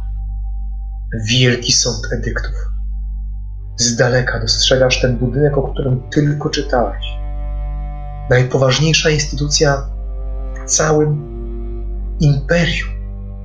No, niektórzy twierdzą, że sądy aldorfskie mają jakiekolwiek znaczenie, ale ty tak nie uważasz. To tutaj rodzi się prawo. To tutaj prawo staje się prawem oraz te ciemne miejsca, które z najwyższej z, z wysokości Talbastonu nie dostrzegasz łujówek, ale ta ciemna plama, gdzie nic nie płonie, otoczone z jednej strony talbastonem, szczurowiskiem wbudowanym i światła, i, a z drugiej strony wielkim sądem edyktów, potężnymi budynkami w dzielnicy prawa rzucających cień, gdzie nie dochodzi światło. W dzielnicy kupieckiej dostrzegasz piękne pałace. A wy? Wy zmierzacie na plac dzielnicy kupieckiej, przez którą przejeżdżacie. Szybko sanie jednak mają problem. Dlaczego? Dlatego, że śnieg jest tutaj niezwykle rzadki. Tak, znajduje się na dachach budynków, w oknach, momentami gdzieś zgarnięty za pomocą szufli czy metodu, bez znaczenia. Ale jest tutaj cieplej. Niewiarygodnie cieplej. Nie o stopień czy dwa, ale o pięć albo dziesięć. Już nie czujesz tego przenikliwego chłodu podczas jazdy. Ale szybko jednakże przyszło ci się pożegnać z tymi myślami. Szybko zostaliście otoczeni na placu z wychodzących z ciemności oświetlonych latarniami. Nie tylko dobrodziejstwem Waldorfu są uliczne latarnie, to cuda technologii, ale i również Talabel. Ludzie ci zaczęli otaczać was, wyciągać wasze pakunki, informując was, że mają najlepsze ceny najlepszych kartki zajazdów. Ktoś zaczął się szamotać z twoją torbą. No jak to nie pójdziesz do zardzewiałego muszkietu? Tylko tam oferują tanie piwo. No chodź, płacą mi za to, no to cholery! Puszczaj torbę! W końcu myślałeś, szarpiesz się z nim i nagle z ciemności, ciemności osiedlonej latarniami, dostrzegasz mężczyznę. Wyższego niż ci wszyscy tragarze, nawoływacze, podżegacze, który rozgarnia ich uderzeniami drewnianej, krótkiej laski, a wali gdzie popadnie. Po ramiona, po głowie, ściąga czapki. Z drogi kmioty. I nagle go zobaczyłeś, gdy zaczął tłuc mężczyznę szarpiącego się z twoim tobołem, z tobą, trzymającego w tobie. Długi, podwójny płaszcz, bez kaptura. Czapa, wielokrotnie załamana. Pod spodem dublet, pięknie szyty. Kryza, biała, połączona z szalem, który otacza jego twarz, otacza jego szyję, ale również zasłania część jego twarzy. Rękawice z jeglęcej skóry. No i naturalnie laska srebrem inkrustowana, a wali nią jakby faktycznie był wprawiony w takich wagach. Mężczyzna wysoki, postawny, aż chcesz, żeby był twoim wujem. Mężczyzna spogląda się na ciebie i uśmiecha. I dostrzegasz, że paskudzi to wszystko zżółkłe lub zbrązowiałe wręcz resztki zębów w jego twarzy oraz liczne krosty na twarzy po chorobie. Oto jak mnie mam. Ach, gadzie! Uderzył jeszcze raz na odbiegającego mężczyznę. Przepraszam, panie! Rzuca się gdziekolwiek popadnie, byle uciec od drewnianego kija trzymanej laski, e, trzymanej przez twojego wuja. Wuj Jurland? Mężczyzna szerzej się uśmiecha, pokazując szkaradne oblicze swojej twarzy, spiesznięte usta, wręcz e, równie jasne co jego papierowa skóra. A i owszem, młodzieńcze, dotarłeś, widzę do Talamek, rozłożył ręce, a faktycznie postawny jest. Z 1,90 m przy twoich marnych 1,70 m przy wszystkich, zaczynają z 1,65 m w okolicy was. Dawaj, witaj w swoim nowym domu, bratanko. No oczywiście. E, nie wiem, to chyba się tak wypada. Dorzucam się z nim przywitać. No, widzisz, że on nie wiedział, jak zareagować, ale szybko zdał sobie sprawę i poklepał cię po plecach, gdy obejmowałeś. Zdałeś sobie sprawę, że mężczyzna wcale nie jest tak potężny, jak jego wygląda. Czujesz chudość e, w jego ciele, a jedynie grubość jego szat i dosyć dobrze utkany strój, który powoduje, że jest większy niż powinien być. Ale wali z siłą kowala. Wuju, wuju, dotarłem. Jestem już. Cóż za piękne miejsce. Widzisz, że chwyta za twoje ręce, tą dłoń i spogląda na twoje zziągnięte palce. Do stu diabłów! Zmarłeś jak cholera. Dotknął twojego nosa i spojrzał na twoje policzki. Oglądając twoje ciało, dokładnie. Bierzmy twoje graty i chodźmy jak najszybciej. Dobrze. Dom jest niedaleko. Oczywiście. Skłaniam się, jeżeli jest e, Klara jeszcze obecna. Nie ma. Już zdążyła wyjść, gdy ty gramoliłeś się, walczyłeś o swoje sprzęty, wyrywając je kolejnym to, kolejnym to... A Don E. ze świnią. E, widzisz się rozgląda i prowadzi go jakiś mężczyzna. Tak, tędy, tędy, panie, tędy. I Don idzie, naprawdę? Do czarodziei? Spoglądam. Idzie się swoją świnię. Wuju, Chwileczkę, biegnę tam do niego. Nie ma czasu, chłopcze! Don! Nie ma czasu! Don! Krzyczę. Widzisz, że obraca się w twoją stronę i również ci macha, po czym świnia wyskakuje mu przez to z rąk i rzuca się pędem gdzieś w jakąś uliczkę i dodrzuca się za nim.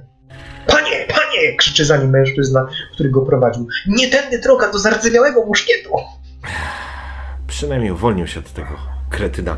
Zabieram swoje rzeczy i idę podekscytowany z wujem, rozglądając się w lewo i w prawo, papląc, non-stop gadając, opowiadając, jaki jestem tu zaszokowany. Wuj jest, oczy... Jest oczywiście bardzo ciekawy wszystkiego, co mówi, że na wszystko, co mówisz, odpowiada mhm. Dostrzegasz latarnie, które oświetlają, ale jedynie plac.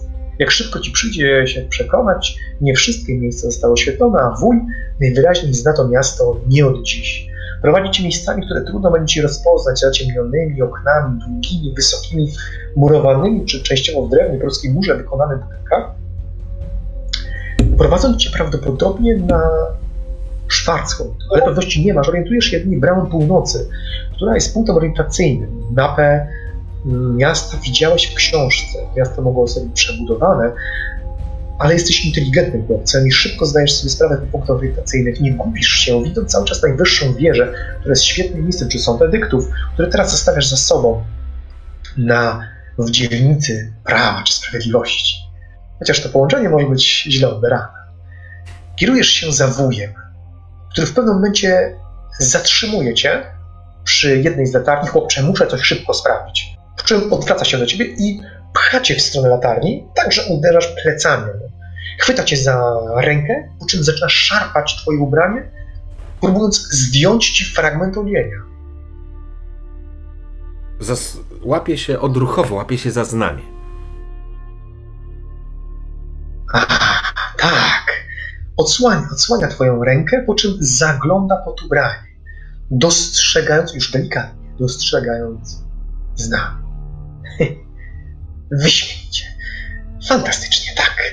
Musiałem upewnić się, czy jesteś tym, za kogo się podajesz. Widzisz, pamiętam cię jako małego brzdąca, mniej więcej niż pięć, może siedem lat. Teraz jesteś już dorosłym mężczyzną, wcale nie przypominasz ojca. Może trochę matkę. No nic to. Żadna strata.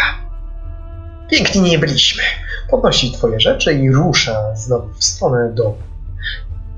Trafiliście na mm, Bakerstrasse, zatrzymując się przy jednym z domów. Szybko twój wuj wyszarpnął gdzieś z połu ubrania klucz i włożył do środka.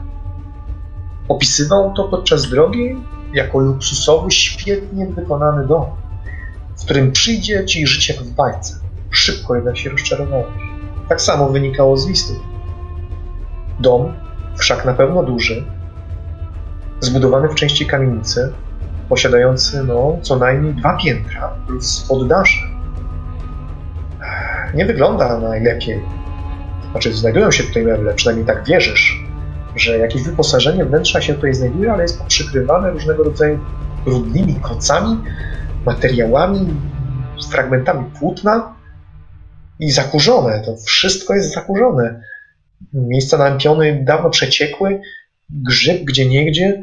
Dom wymaga solidnego remontu, a ty się znasz na remoncie, szczególnie w drewnie. Wuj jednak, widząc twoją twarz, co się stało, chłopcze? Czyżbyś czuł się zawiedzony? Nie, wuju, ale... Ależ tak. Zamyka drzwi i zdejmuje tobie płaszcz, wieszając go obok swojego. Widzisz, że drewniany kołek urywa się i spada. Wuj podnosi płaszcz i rzuca go niedbale na jeden z mebli. Przynajmniej wierzysz, że to są meble. Wuju, Nie o nie takim martw się. bogactwie mówiłem. Miałem ci to pokazać dopiero jutro, ale chodź, chłopcze. Wszystko zrozumiesz. Pamiętasz, jak pisałem, że będziesz pomagać mi w moich doświadczeniach? Pamiętasz, jak opowiadałem ci o niezwykłości swojej pracy, o tym, że razem podbimy magiczny świat, o tym, że twoje zdolności w końcu będą mogły okazać się przydatne, że staniesz się czarodziejem szanowanym i renomowanym, a ludzie będą kłaniać się tobie w pas. Tak, Straciłeś we mnie wiarę. Chodź zatem, chodź, pokażę ci, szybko chodź! Wuj zaczyna cię ciągnąć. Musisz zostawić część swoich rzeczy, które tutaj są przyniosłeś. Widzisz, ciągnięty z wuja. Wuju, Widzisz, ja że- ci pomogę tutaj. Znam się na stolarce. Zostaw to, to nie jest ważne. To nie jest ważne. To nic nie jest ważne. To jest ważne, chłopcze. Pokazał ci schody na dół, prowadzące do piwnicy. No chodź. Zaczyna schodzić, a ty zacząłeś się lekko obawiać. Wuju, zmęczony jestem podróżą. Chodź, chłopcze! Natychmiast tutaj chodź. Po czym zaczyna się wspinać, kiedy widzi twoją opieszałość, chwyta cię za rękę i bardzo silnie ciągnie. Dobrze, wuju, dobrze. Dobrze, pójdę sam, nie ciągnij, spadniemy z tych schodów. Zatrzymaliście się przy drzwiach. Drewnianych, wyglądających jak licha konstrukcja. Nagle dostrzegłeś, że wół zdjął rękawiczkę i wyciągnął dłoń z rękawa. Po czym dostrzegłeś, jak na jego palcach zaczęła się mienić magia, która szybko została odpowiedziana na drzwiach. Dostrzegłeś, jak zaczynają malować się na nim wzory. I ty wiesz, co to za wzory. To runy. Glify ochronne. Choć nie znasz ich znaczenia, to rozpoznajesz je, bo widziałeś takowe w książce. Nagle runy zaczynają zanikać, a drzwi nie wyglądają jak przed chwilą. Wyglądają na bardzo solidne. Po czym wyciąga klucz. To były, Kolejny. ru- to były runy, wuju, prawda? Uśmiecha się z zadowoleniem. Tak, chłopcze. Tak, próbuję mu jednak, próbuję jednak mu pokazać, że nie jestem takim wieśniakiem z północy. Spogląda na ciebie i dostrzegasz, że w oczach nie, on nie ma poczucia wzgardy w stosunku do ciebie. On patrzy na ciebie z nadzieją. Z nadzieją. Super. Otwiera drzwi i popycha je na, drew... na kamienne schody, a piwnica wcale nie jest jednopiętrowa, lecz co najmniej dwupiętrowa. Otwarta, duża i ciemna. Wówczas wuj ściąga zawieszony na ścianie kandelabr, na który zostały nałożone świece, ale woskowe. Zapalił je, nawet nie wiesz jak i kiedy. Po czym zaczął schodzić po schodach. Na odwagę, jako pierwszy. Ty zrobiłeś krok na schody i zatrzymałeś się. Oświetlone jedynie przy pomocy kandelabra, trzymanego przez Jorlanda pomieszczenie wypchane jest po brzegi niezwykłym dziwami czy dziwactwa. Mimo, że większość skrywa się w cieniu, tak jak cała kamienna galeria przyozdobiona w trzy kunsztownie wykonane portale, cienie zarastają ich wnętrza, co optycznie poszerza dodatkowo. Cała wschodnia ściana, jak i również cień rzuca potężna szafa, przez co nie widać nic w prawym, dolnym rogu pomieszczenia. Nad sufitem dostrzegasz szkielet jakiegoś skrzydlatego monstra, uczepiony łańcuszkami, linkami, rzemieniami w taki sposób, aby bestia mogła pokazać się w całej swojej krasie. Na środku znajdują się połączone trzy duże stoły, w których wiele wywiercono szereg różnych wielkości utworów, przez które Jorland musiał przepuścić szklane rurki. Wszystko to połączone jest w misternie wykonaną aparaturę ogniskującą światło, teraz ogniskującą światło świec.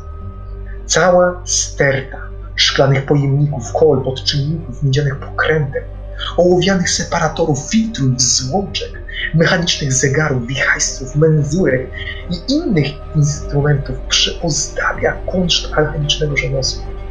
Pod stołem bulgoczą mosiężne kadzie, z których wydobywa się różnokolorowy dym, teraz pełzający po podłodze. Przechadzając się po pomieszczeniu, dostrzegasz dużą klatkę wciśniętą gdzieś w róg. Dalej stoi teleskop. Choć nie wiesz, co wuj mógłby przez niego oglądać, nie widzisz tutaj żadnego okna. A tak duży, trudno byłoby wytargać go wyżej. Złożony, zakurzony klawikord o pięknym drewnianym pokrowcu. Po prawej stronie zwisające z szafy to siatki na motyle albo, albo, albo wiatrochwyty. Tak, dotykasz ich palcami. Niepołączone z niczym szklane klosze, te obok szafy są siedliszczem przedziwnych wyglądających oparów. Jeden z nich wydaje się być bardzo aktywny, gdy do niego podchodzisz. I dostrzegasz, że wydostaje się z jego wnętrza gromada mikroskopijnych piorunów, po czym znika i gaśnie. Na sztaludze obok nie ma żadnego portretu, ale pomalowane drzewce świadczą o tym, że była często używana. Obok wypełnionego książkami, klaserami, pergaminami, regału, to jest niezwykłej wielkości i obfitości, dostrzegasz dużej wielkości sekretarz z tysiącem małych szufladek. Bardzo interesujące. Ale na samym pulpicie stoi moździerz i roztarte proszki będące składnikami instrumentów magicznych. Na kufrach leżą mocno zakurzone żółtym proszkiem wysokie buty podróżne. Za szklanymi drzwiczkami regałów czy regalików po lewej stronie widać różnokolorowe płyny zamknięte w małych szklanych pojemnikach, talizmani, w tym medaliony kapłańskie i czaszki, jakieś małe istoty i świece wypalone do połowy i zapiszone szybem receptury. Wszystkiego jest tego masa. Przechadzasz się w świetle niewielkich świec, a Jurland tylko na ciebie patrzy z uśmiechem i zadowoleniem. I widzisz pulpit, na którym leży otwarta księga. Wuj jednak szybko podchodzi i zamyka księgę z trzaskiem. Dostrzegasz jedynie napis na rogu książki. Spaczeń w siedmiu postaciach. Mantisa.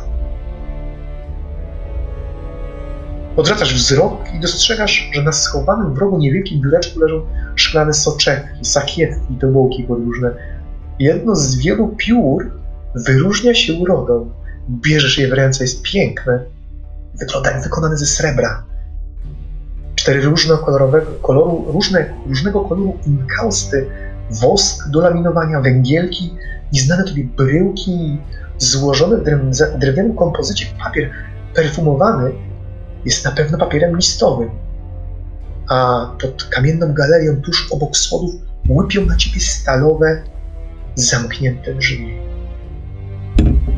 Tak, chłopcze, to będzie twoje. Będziemy razem pracować. Pomożesz mi, ale do tego wrócimy jutro. Na pewno jesteś bardzo zmęczony. Musisz odpocząć. Tak, tak. Wuju, I nagle dostrzegasz za jego plecami coś. Coś, co przykuwa twoją uwagę. Coś, co zwróciło twoją uwagę i wiesz, że nieprzypadkowo. Dostrzegłeś szklaną kulę, pewnie jakich wiele. Ale w momencie, gdy na nią spojrzałeś, dostrzegłeś, że ta błysnęła niebieskim światłem, po czym delikatnie zaczęła gasnąć. Wuj dostrzegł twój wzrok i obrócił się w stronę kul. A, tak, tak. To specjalna kula. Mój bratanku, chcesz jej użyć? Chodź, podejdź. Podejdź, nie bój się, jest niegroźna. Podchodzę, oczywiście Chodź. taki zafascynowany, ale trochę Ta przestraszony. kula ma specjalne właściwości, może obnażyć przyszłość, przeszłość, przede wszystkim twoje marzenia. Może zajrzeć w miejsca, o które marzysz. Pomyśl o czym, połóż ręce i pomyśl o jakimś miejscu. Pomyśl o miejscu, które dobrze znasz, że, które wielokrotnie widziałeś. Pomyśl o miejscu, o którym tęsknisz. Lub za kim tęsknisz. No już, nie bój się, nie bój się. Daj mi rękawice, połóż ręce. Kładę dłonie na tej kuli i Masz wciąż zimne dłonie, wuja rękawiczki zdejmujesz, które ci wręczył. Podczas podróży, no bo zmarły ci ręce i kładziesz nadal z czerwone paluchy na, na kuli. No i co robisz? Znaczy, myślę, że wiedzone instrukcjami wuja, jakkolwiek by one dziwnie nie brzmiały, jak wiele niesamowitości i dziwnych sytuacji tutaj, e, że tak powiem, jest dookoła, to myślę, że jednak jestem zafascynowany tak bardzo tym wszystkim, że w tej właśnie chwili chyba wracam myślą albo do Hergik, albo wracam chwilą e, myślą do klasztoru i Hernik bardzo słabo pamiętasz, przykro mi, ale ale próbujesz sobie przypomnieć to Herwik, ale nie odnajdujesz jakiegoś miejsca w pamięci. Może fragmenty twojego domu. To wszystko. No to z pewnością wracam do klasztoru, do rozmów z Adamusem, może do, do jego tego pokoju czy biblioteki, w której siedzi, przesiadywaliśmy. Sprecyzuj. E, dobrze. E, na pewno biblioteka w takim razie. Na pewno biblioteka, na pewno przekładanie, tak na początku irytujących, powtórza, powtarzanie, czytania, zrozumienia. On tłumaczący, stojący nade mną, pokazujący mi palcem, bez agresji. Tu nie było nigdy agresji. To, to nie stereotyp mistrza i ucznia. On był bardzo właśnie taki otwarty i, i taki ojcowski, taki jak powinien być. Tłumaczył mi, dlaczego powinienem to dobrze robić, a nie dlatego, a nie kazał mi, bo muszę. E, I przewracałem te zakurzone karty wielkich ksiąg, większych woluminów, mniejszych. Tak, myślę, że ta biblioteka była takim miejscem, w którym odtąd przesiadywał. Koncentrujesz się i dostrzegasz, że wewnątrz kuli zaczyna pojawiać się opalizujący dym. I nagle przez dym dostrzegasz księgi, bibliotekę. Dostrzegasz bibliotekę w klasztorze Weren, dostrzegasz okno wychodzące na ogród, a dalej za ogrodem ogrody mora, na których spoczywa Adams. Nagle poczułeś na ramieniu ciepły dotyk i byłbyś mógł przysiąc, mógłbyś na Werenę, na siebie, na wszystko, że usłyszałeś głos opata mówiący Twoje imię, Ottonie. Poczułeś, jak przez, przeszywa Cię dreszcz. Usta rozwarły Ci się w niemym krzyku i zdziwieniu. A, wuj przygląda się Tobie z zainteresowaniem. Jakbyś był częścią eksperymentu. Słyszałeś to? Odrywam. Co słyszałem? Może słyszałem. Powiedz, co słyszałem. Jak przez chwilę, jak chyba po raz pierwszy w tym momencie spojrzałem na niego i, i przez chwilę przeniosłem się, dosłownie przez sekundę, wściekły tłum, w... który nie rozumiał, co ja mówię, który był inny niż, niż wydawało mi się, że jest. Ale może mi się tylko to wydawało? Chyba jestem zmęczony. Ale nie, chłop. Widziałem tam bibliotekę. Masz w sobie magię. Odtonie. Jesteś z Pekendiszu. Uśmiecha się do ciebie, pokazując swoje przegniłe zęby. W tym oświetleniu wygląda jeszcze bardziej upiornie niż wcześniej. Choć nadal nie mizernie w swoim stroju. Jesteś z pewnością zmęczony. Przyjdziesz na to czas. Spojrzałeś również na bibliotekę, w której znajdują się księgi, które opisywałem. Nie zdążyłeś się im przyjrzeć, ale jest ich tak dużo, są tak ciekawe, na pewno chciałbyś chociaż zerknąć, chociaż zobaczyć cokolwiek. Ale wuj ciągnie cię za rękę, ty przyglądasz się z całym książką. Czy mimo wszystko chcesz wyrwać i podejść do książek? Myślę, że na siłę nie, ale na pewno... Nie, wuj delikatnie cię trzyma, prowadzi cię e, na górę. Widzi, że jesteś zmęczony, że, że coś się musiało wydarzyć. Jutro wszystko się zacznie, obiecuję. Jutro przedstawię cię ważną osobistością. Jutro zaczniemy naukę. No i liczę, że będziesz mógł pomóc. Chcesz mi pomagać? Odtonie? Obracam się tak, wiesz, to jest tyle niesamowitości, wuju. Oczywiście, to jest niesamowite. Bo widzisz, pewnie nie wspominałem już, ale prowadzę pewne bardzo ważne badania. Bardzo ważne. Czy one są związane z tą księgą, którą tak szybko Nie, zacząłeś? nie, nie, nie, nie, nie. Jutro wszystko ci opowiem.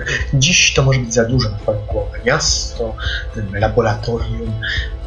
Nie widzieliśmy się od lat. Pozwól sobie ochłonąć. Przygotowałem tobie dla ciebie sypialnię. Jest w wyśmienitej kondycji. No dobrze, pozwalam, to znaczy wychodzę z tego pomieszczenia, ale z ciekawością tak tylko staram się rzucić okiem, czy te magiczne drzwi zostały zamknięte? Jak? Jak wychodzicie? Tak. Nie wiesz. Nie, zamknęły się, zamknęły? wygląda. Zamknęły się, no, wuj je zamknął na klucz. A, rozumiem, okej. Tak, tak. Niosąc kandelabr prowadzi cię na pierwsze piętro. Przechodzisz znowu przez ten duży salon, część kuchenną, która wygląda okropnie. nie ma sprzętów, a to, co się znajduje, to po prostu pordzewiałe e, fragmenty jakichś garnków. Zatrzymuje się w korytarzu, tuż za schodami, są oczywiście jeszcze schody wyżej, i widzi trzy drzwi obok siebie, naprzeciwko, po lewej, po prawej stronie. Wuj podchodzi do nich i się zastanawia. E, tak, to... A, a, to jest mój, wskazuje, jakby sobie przypomniał. E, a, otworzył drzwi, żeby się upewnić, a to jest mój. No to co? Hmm, dobranoc. Od tobie. Słodkich snów. Jutro wszystko się zmieni, zobaczysz. Dobra, wchodzę do tego pomieszczenia, ciągnę tam swoje te szpargały. No i znów e, wuj przesadził trochę w swoich wyobrażeniach. No, owszem, łóżko jest, e, materac też, e, ale no nic poza tym. Materac jest w tragicznym stanie. Jakaś brązowa plama, możliwe, że od krwi znajduje się na nim. Są złożone koce, jest jakaś szafa, ale i tylko jedne drzwi w tej szafie. Do towarzystwa masz szczura, no i krzesło. O ile krzesło, tak jak i świnia może gadać. Okiennice są na szczęście dobrze zamknięte, a za okiennicami dostrzegasz, że są e, szyby. Nie rybie pęcherze, czy woskowany ostro papier, ale szyby. Dobra, u wuja się dzieją dziwne rzeczy. Wuj jest dziwny, zdecydowanie, ale... No nic, no ale nikogo innego na świecie nie mam. Może jest po prostu ekscentrykiem. Chcę w to wierzyć. No to wierzmy w to razem. Bardzo szybko udałeś się na spoczynek. Dlaczego? Bo byłeś niezwykle zmęczony samą podróżą. Nie miało znaczenia łóżko, nie miało znaczenia dziurawy koc. Po prostu chciałeś przespać się w niekarczmiennych warunkach, nie na sianie, nie w stajni, nie w komódkach. E, no niestety tak to zostało wszystko zaprojektowane, że same zajazdy były przepełnione, niebezpiecznie jest na szlaku i ludzie korzystają z takich udogodnień. W zimie tym bardziej nie chcą obozować pod chmurką. Znów śniły ci się dzwoneczki, tak dawno ich nie śniłeś. Znów tylko sam dźwięk, nie do wiadomo dochodzący skąd. Pamiętasz go z dzieciństwa i wołał ciebie niepokój. I nagle usłyszałeś wybijane drzwi. Nie wiedziałeś, czy to część snu, ale obudziłeś się, rapownie zerwałeś. Nagle usłyszałeś, że ktoś powtórnie uderza w drzwi, a na zewnątrz, jakby dochodzący z, za e, drewnianych kotar, dochodzi jakaś wrzawa, coś się dzieje. Widzisz jakieś światła przez zamknięte okiennice dochodzące z ulicy. Zrywam się oczywiście, natychmiast podchodzę do okna, tam są szyby, więc odchylam delikatnie, nie wystawiam głowy, ale odchylam i sprawdzam, co, co się dzieje. Czy coś widać? Boso z, zeskakujesz z łóżka, jedynie tak naprawdę w piżamie. Odsłaniasz jedną część e, drewnianej kotary i dostrzegasz, że na zewnątrz stoi tłum. Stoi tłum z widłami i cepami, z pałkami i pochodniami Ogień rozświetla całą ulicę, a tłum zebrany jest wzdłuż w lewo i w prawo, a wszyscy skierowani są w stronę Twojego domu. Na środku niewielkiego placu stworzonego przez ludzi dostrzegasz mężczyznę ubranego w czerń i czerwień z wysokim kapeluszem i płaszczem. Widzisz, że trzyma wzniesione ku górze jakąś księgę. Widzisz, że ta księga opieczętowana jest jakimś znakiem. Znakiem, który rozpoznajesz. To czarne płaszcze. To inkwizycja. Nagle słyszysz raptownie, że ktoś wbiega po schodach. Słyszysz metal, szczęk stali i metalu, zbroi. Szybko, hurtem, hurtem! Ktoś wrzeszczy na schodach. Czy jest jakieś inne... Słuchaj, otwierane jakieś drzwi, ale nie do ciebie obróciłeś się w stronę drzwi. Nie ma żadnego wyjścia poza oknem. Eee, Widzisz również na zewnątrz jakiegoś kapłana albo czarodzieja, który stoi ubrany w, jedynie w skórę jakiegoś niedźwiedzia albo innego drapieżnika, w spodnie, ma półnagi tors, widzisz, że długą, sędziwą brodę trzyma jakąś laskę drewnianą, powykręcaną w misterny sposób i widzisz, że coś inkantuje do tłumu. Widzisz również, że mężczyzna, ten inkwizytor, recytuje jakieś słowa, tłum wrzeszczy, pochodnie płoną, słychać, że dochodzą stamtąd jakieś, mm, no, mm, bardzo, bardzo nieprzyjemne odgłosy. Masz tylko nadzieję, że, że to nie jest w żaden sposób związane z twoją osobą i nagle szybko zostaje rozbita bańka nadziei, gdyż twoje drzwi są wyważone, nie otwarte, wyważone z hukiem. I dostrzegasz w nim ubranego w pełną zbroję, czy dla ciebie pełną, dla ciebie nie ma znaczenia, czy ma fragment jedynie kirysu, napierśnika, nogawic, czy, czego, czy wystarczy ma hełm dla ciebie już jest zbrojny widzisz znaki, re, regalia należące do miasta Talabel, to na pewno buldodzy, o których tak dużo słyszałeś. Odważni, ale i bardzo skorumpowani podobno e, ludzie. Tu jest! Ktoś krzyknął z korytarza za mężczyzny, bo ten zatrzymał się wryty. Sięgnął ręką do rękojeścia miecza i wyciągnął go raptownie. Przykucnięty zaczął się zbliżyć w z mieczem, ale bardzo ostrożnie i bardzo powoli. Nagle w pomieszczeniu zaruiło się od mężczyzn i jakiś grubas zaczął się pomiędzy nimi przebijać, gdyż mężczyźni nie byli zbyt chętni, żeby do ciebie podchodzić. Dawać ołów! Krzyknął mężczyzna gruby, który najwyraźniej z regaliami kapitana, z kirysem oraz napleczniczym, pełnym, pełnym elementem zbroi czy brygandyny, z ramionami również okutymi stałą i, e, i dłońmi, wskazał na ciebie, krzycząc dawać ołów! Niewysoki, bo jest niższy od tych pozostałych, ale widzisz, że mężczyzna wychodzący do ciebie naprzeciw trzyma kajdany. Panowie! Beckendish, nawet nie próbuj się odezwać, bo na cię nadziejemy. Widzisz, że ktoś, któryś z nich podniósł naładowaną w twoją stronę kuszę. Mężczyzn jest więcej w pomieszczeniu niż przewidziało to na pewno mm, BHP. Podnoszę ręce. Jestem akolitą Wereny teraz! Krzyknął gruby mężczyzna i w tym momencie oni rzucili się w twoją stronę. Nim się zdałeś sobie sprawę, powalili cię na ziemię, twoje ręce zostały skute e, tymi kajdanami ciężkimi, e, ołowianymi kajdanami, a twoje usta zostały zakneblowane. Dostałeś przy tym kilka kopniaków, ale nikt jednak nie bił cię zbyt mocno. Nie tak przynajmniej jak ty traktowałeś grubego, czy nawet tak jak cię traktował opat Adamus momentami. Jakby ciosy były zelżone, chociaż nie masz żadnego pojęcia dlaczego. W, w oczach wszystkich mężczyzn dostrzegasz strach strach i koncentrację. Żaden z nich nie jest pijany. Wszyscy są oni postawieni na baczność najwyższej gotowości. I bardzo szybko zostałeś podniesiony i wywleczony w stronę schodu. Dawać go! Szybko!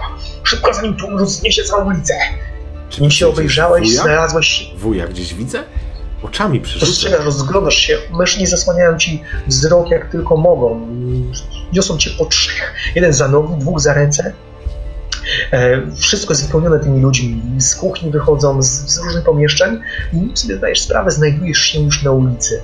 Na ulicy stajesz postawiony przed, przed tym kapłanem, czarodziejem oraz mężczyzną w, w, tym, tym wysokim kapeluszu z rondem e, z regaliami Inkwizji, chociaż teraz nie. Nagle zdajesz sobie sprawę, że to nie są regalie Inkwizji. Wydawało ci się ale na pewno w jakiś sposób związane.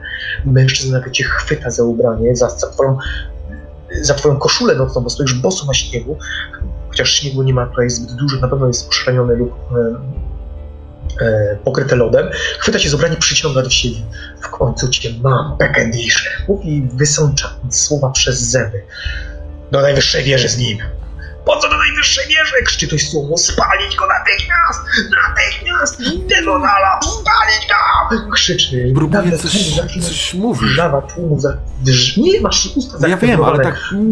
Śnisz się, nie widzisz, że tłum zaczyna skandować twoje nazwisko i śmierć w połączeniu. Czekaj śmierć. Więc wszystko staje się niezwykle niedobre. Nagle mężczyźni uzbrojeni po zęby, którzy wyprowadzili ciebie, jest trochę nawet więcej na ulicy, zaczynają przesuwać, próbować walczyć z nim, robiąc szpaler pomiędzy nimi, żeby tworzyć sobie drogę. A mężczyzna, który to do ciebie się odezwał, rusza przodem razem z tym przedziwnym, bosym mężczyzną, ubranym w skórę i trzymającym laskę.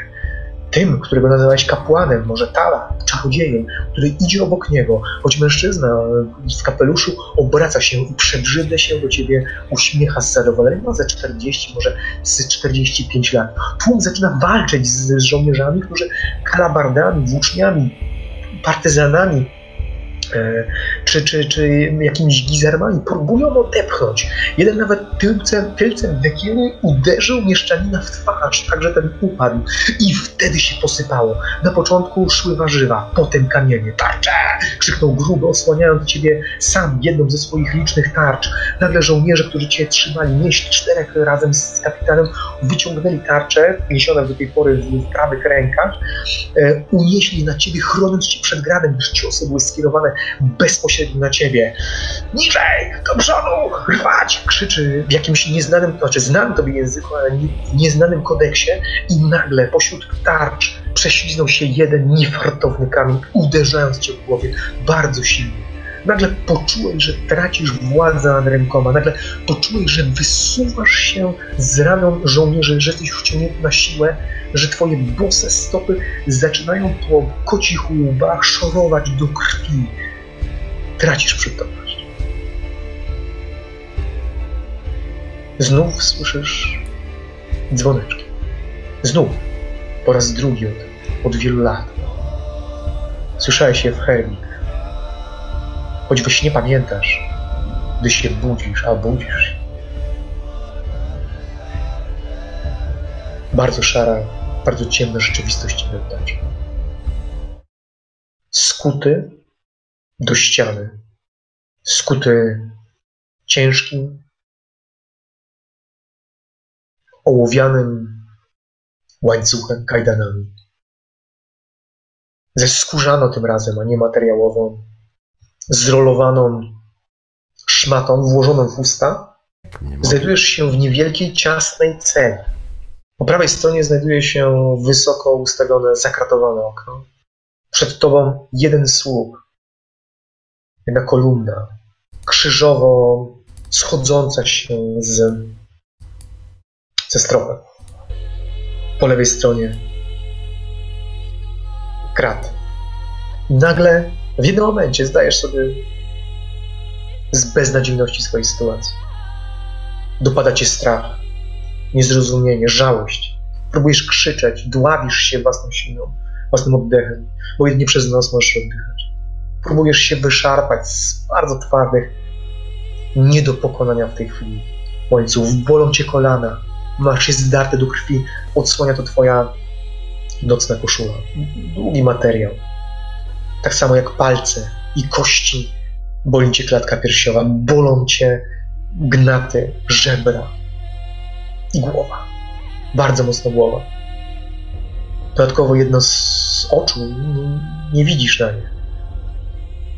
Próbujesz podciągnąć coś, co okazuje się być bandażem. Na szczęście nie straciłeś wzroku. Jest tutaj ciemno, ponuro. Minuta.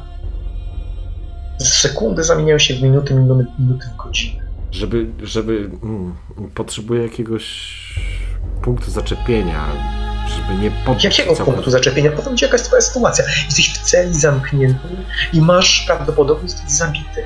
Łańcuch jest na tyle długi, że możesz się podnieść, że możesz ruszyć, że możesz wstać. E, Dochodzą cię zaczynam się okna. modlić. To jest chyba jedyna opcja, którą Dobrze. mogę zrobić. No to, no to rzućmy. Rzućmy. Jak to rzućmy? No rzućmy. Istnieje szansa. 100% ukorzysz. Znaczy Do, 100% dodałem, dostałem dotację, dałem, pamiętaj. Dałeś, ale trzeba było się modlić w świątyni, rzucę. No niestety. Helena nie wysłuchała twoich modlów. No niestety, dzięki. Zawsze można na ciebie liczyć.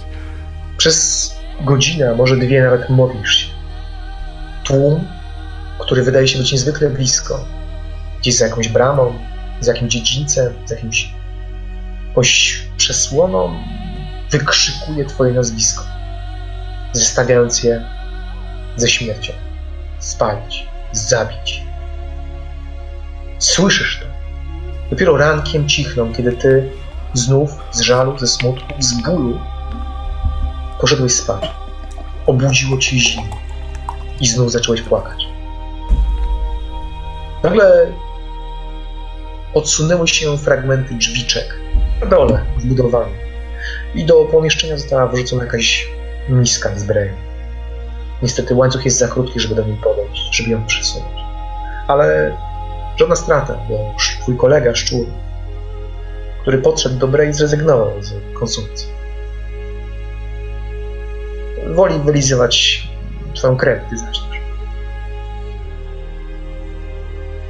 Patrzysz na tą miskę, która wydaje ci się, że całą wieczność później zostaje zabrana, pełna. Jakby ktoś nawet nie zdawał sobie sprawy, że tu jesteś. Że w jakiej kondycji jesteś, że kim jesteś. Dopiero gdzieś koło południa Modlę się. Cały czas uciekam w modlitwę, cały czas O, żarliwie. rzuca, Może. rzucać nie będziemy. Nie, nie, nie o to chodzi nawet, ale staram się sobie to tłumaczyć, że, że to jest jakaś próba, że to jest e, jakaś abstrakcyjna w ogóle sytuacja, że ktoś mnie pomylił, że właśnie to jest próba Wereny. Muszę pokazać, co nie wiem, może nie wiem, ale w to uciekam, na pewno w to uciekam, żeby nie oszaleć. Gdzieś koło południa, a może po południu, ciężko ci powiedzieć. Słońca tutaj jest niewiele. Wpada jedynie przez tą dziurę, którą nazywasz oknem. Słyszysz szczęk kluczy w drzwiach. Drzwi się otwierają Wracam się tam. i pojawia się w nich mężczyzna. Mając nadzieję, że doszło do pomyłki, ktoś pojawi się. Ktoś, ktoś pojawi się w nich i cię uwolni. Ale nic bardziej mylnego. Zadowolony z siebie znalazł się w nich ten inkwizytor, jak go nazwałeś, który wszedł i uśmiechnął się, widząc ciebie w kajdanach. Czy ja mam knebel cały czas na ustach? A Cały mogę, czas. mogę go wyciągnąć, to znaczy, jeżeli mogłem go wyciągnąć, to na pewno go wcześniej wyciągnąłem. Jeżeli nie mogę, bo mam tak skute ręce. Niestety nie możesz go wyciągnąć, dlatego że on jest związany z tyłu, no i krzywdę sobie zrobisz. Rozumiem, okej, On jest na siłę włożony do środka.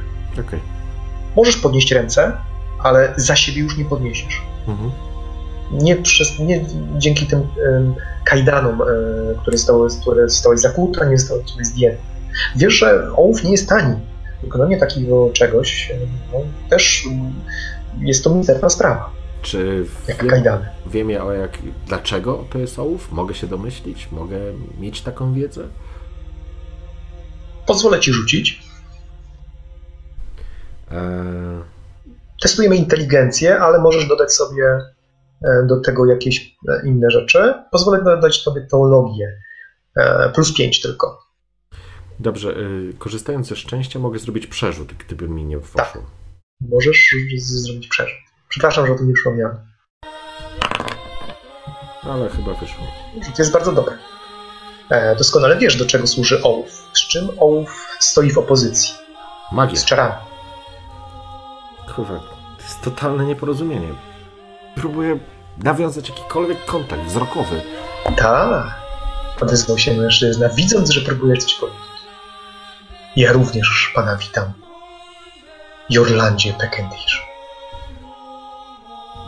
Nie podoba ci się ta sytuacja, ja nie. A może, a może nie jesteś Jorlandem?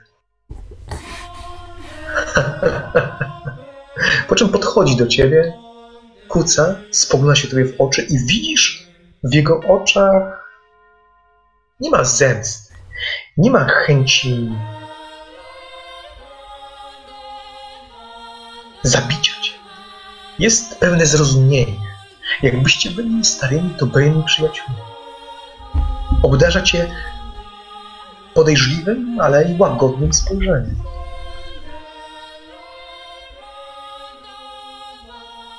Przekonajmy się. Chwyta ciebie za ramię i zrywa z ciebie z dużą siłą materiał, okazując twoje znamie. Po czym na nie patrzy bez zdziwienia.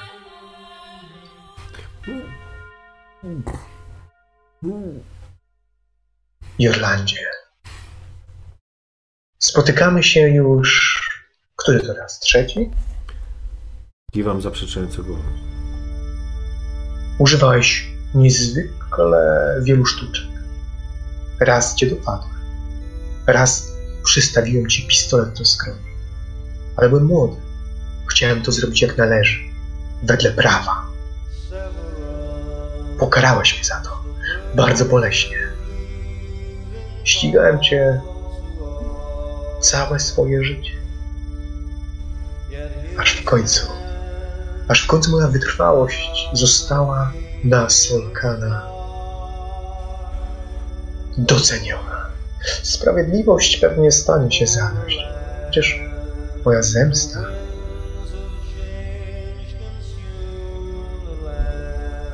czuję pustkę. Zakończyłem pewien etap i nie wiem, co ze sobą zrobić. Nie. Nacieszę się tą chwilą, nie oddam cię kat. Jeszcze nie. Nie, nie przybędzie księżna rektor. Ona musi przy tym być. Musi docenić mój wysiłek. Zadbają o to.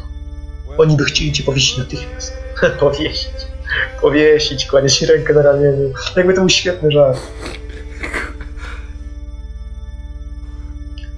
Chętnie bym z tobą porozmawiał, ale jesteś groźny. Wiesz o tym, że jesteś bardzo groźny. I nagle dostrzegasz w nim oczy, które zmieniają się w oczy kobry. Wwierca się w ciebie. Gdybym zdjął ten knebel,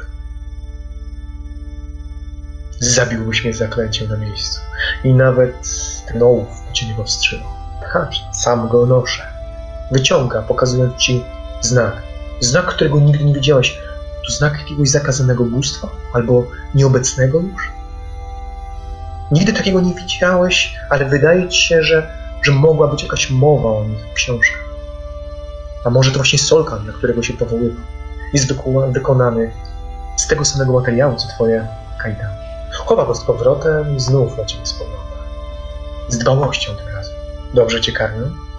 Mam nadzieję. Nim staniesz na placu rozgrzeszenia, miną dwa, może trzy dni. Więc jedz, jedz. Jeszcze się spotkamy. Pokazuję, staram się pokazać. Jak mam jeść, jak mam knep. Zaczynasz płakać, czujesz, że, że po prostu łzy z- same wypływają ci z oczu, że nie możesz tego kontrolować, że nie możesz z tym walczyć. Piękna scena. Odzywa się spoglądając na ciebie. Zawsze potrafiłeś świetnie się charakteryzować, ale nie wiedziałem, naprawdę nie wiedziałem, że potrafisz tak świetnie grać. Nie, nie oszukasz. Chociaż muszę, muszę go zapytać. Po prostu muszę. Dlaczego? Dla... Dlaczego dałeś mi znać? Chciałeś szedzić ze mnie? Myślałeś, że z tego nie skorzystam. Niedługo dowiemy się, nad czym pracowałeś. Ja i inspektorat. Dowiemy się i położymy kres wszelkim twoim działaniom. Koniec. Z intrygami, z upadającymi miastami, z księstwami granicznymi, które się załamują pod twoimi niecnymi wpływami. Koniec zła, które wyrządziłeś ludziom. Koniec. Czarnoksiężniku chaosu. Zaryzykuję. Ale się zabezpieczę. Wyciągnął sztylet i przyłożył ci do gardła. Chciałbym wykonać wyrok sam. Wielką radość by mi to sprawiło. Gdyby tylko Hohenloch pozwolił mi na to. Ale on odmienny jest od tego. Wyciąga ci knebel, tak że się zapluwasz. No, powiedz to. Powiedz, że chciałeś z nim zagrać i że przegrałeś. Tego sobie zdałeś od Tonie sprawę, że od tego, co powiesz, zależy twoje życie. I przeraziłeś się. Sztylet przy twoim gardle, wpatrzone oczy kobry w postaci mężczyzny, Czy którego nie znasz. on się. On, czy on powiedział, bo teraz nie jestem w stanie sobie przypomnieć, czy on padło gdzieś jego imię? On tylko mówił o Jorlandzie i Hohenlochu, ale wątpisz, żeby to było jego... Nie, nie, jasne, Przez- ale czy gdzieś usłyszałem, gdzieś padło jego imię? Nie, nie padło, nie? Okej, Nie sądzisz, może padło, ale w rozkazach, w porządku. Tak lekko napieram na, ten, na to ostrze, modląc się w duchu, żeby mi starczyło odwagi. Ja nigdy nie przegrywam, przyjacielu.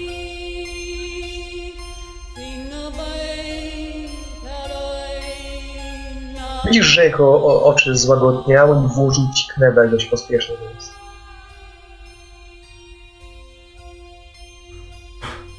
Wstał. Sztylet. Bez słowa skierował się do drzwi. Chciał już wyjść szybko, jakbyś uderzył go w policzek, ale zatrzymał się i obrócił przy drzwiach, przytrzymując sobie dłonie na e, jego kresie. Zobaczymy. Po czym raptownie wyszedł, zamykając są drzwi za. I znów wpadłeś w rozpacz, bo miałeś szansę powiedzieć mu prawdę. Miałeś szansę powiedzieć mu, że, że jesteś odtonem Peckendiżem, że to pomyłka, żeby sprawdził to w klasztorze.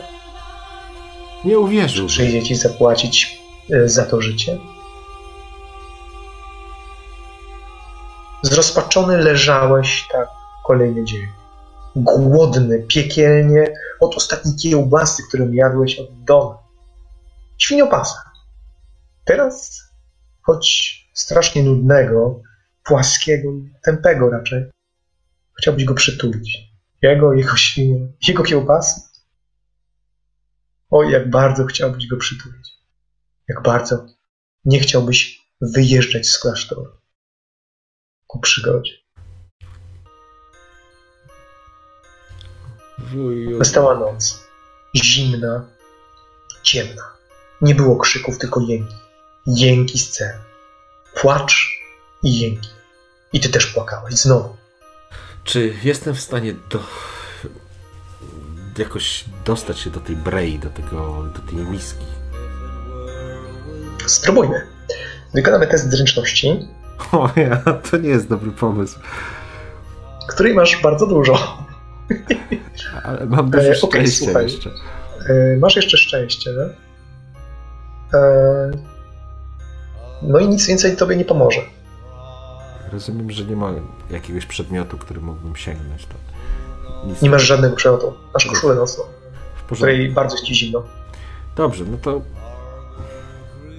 Nie wiem, próbuję naciągnąć, wyciągnąć się na tyle, na ile mogę. Rozgrzewasz się jak tylko potrafisz, po czym próbujesz wyciągnąć się jak tylko możesz.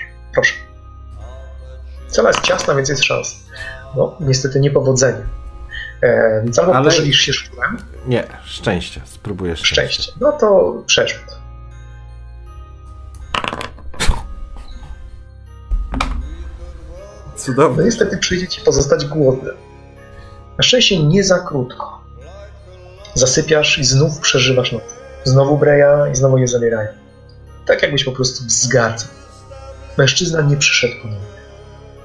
Nie przyszedł nikt. Miałeś wrażenie, że o tobie zapomnieli. Chciałeś, żeby o tobie zapomnieli. Ale z drugiej strony bałeś się śmierci głodowej. Burzy ci w brzuchu tak mocno, jak nigdy dotąd. Nigdy w życiu nie byłeś tak głodny. Nie chcesz myśleć o jedzeniu, bo ból wykręca ci kiszki. A potem? A potem po prostu o nim zapomniałeś. Przyzwyczaiłeś się do niego.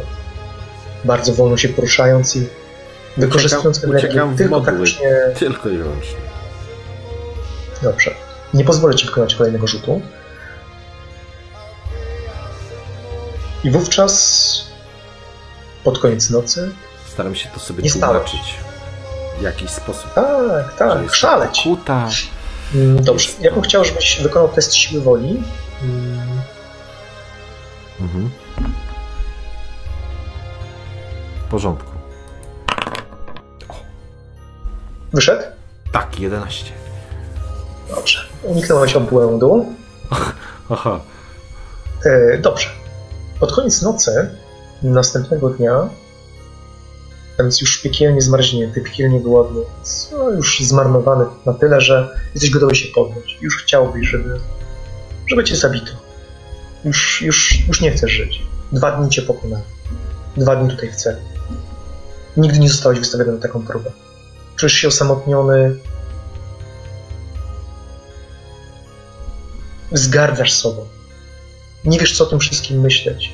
Chcesz krzyczeć, że to jest pomyłka, ale przecież swojemu oprawcy powiedział, przyznałeś się do winy. Przyglądasz się swojemu znakowi. Przyglądasz się swojemu szczurowi, którego już zdążyłeś nazwać. Jak go nazwałeś?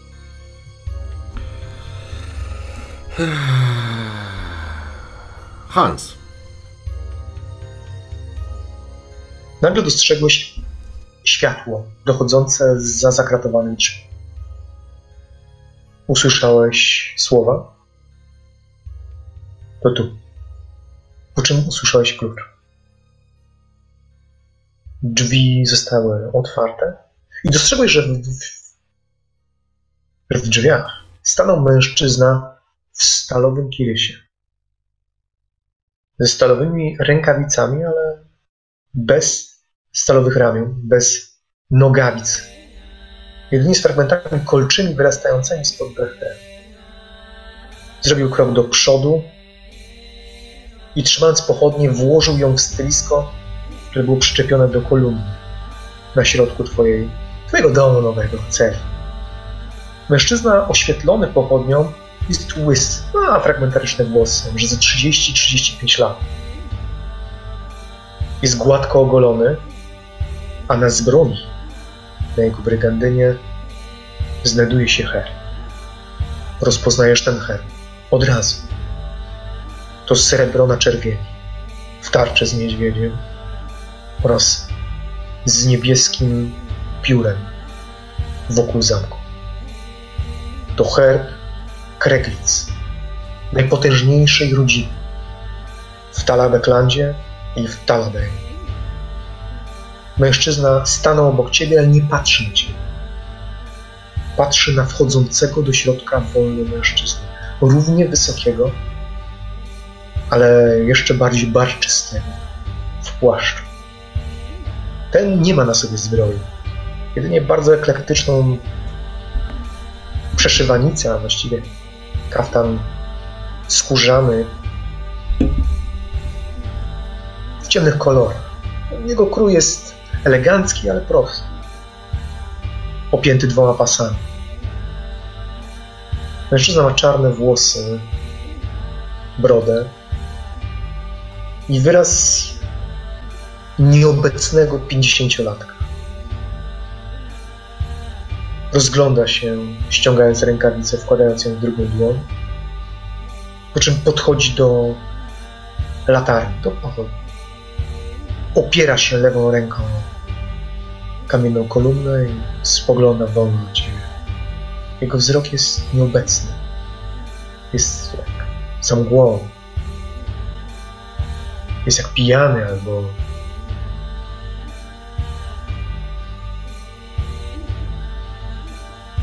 jakby nie chciało mu się żyć. Podobnie zresztą jak ty. W drzwiach staje jeszcze jeden mężczyzna. Równie wysoki co mężczyzna stojący przy latarni, przy pochodni, ale ubrany cały na czarno. Głęboko w szatach. Kaptur zakrywa całą jego twarz. Praktycznie nie widać może podbródek. Ręce schowane ma w rękawach. Opiera się jedynie o dziwnie wyglądającej lasce, zakończoną jakimś ostrzem, niczym kosa na żniwach. Jednak nie postawiona na sztorc. Mężczyzna jest jednocześnie gruby i chudy. Wygląda trochę jak pająk w ciąży. Ma duży brzuch i chude ramiona, które ukrywają się e, w jego szatach, w jego rękawach. Jedynie po palcach.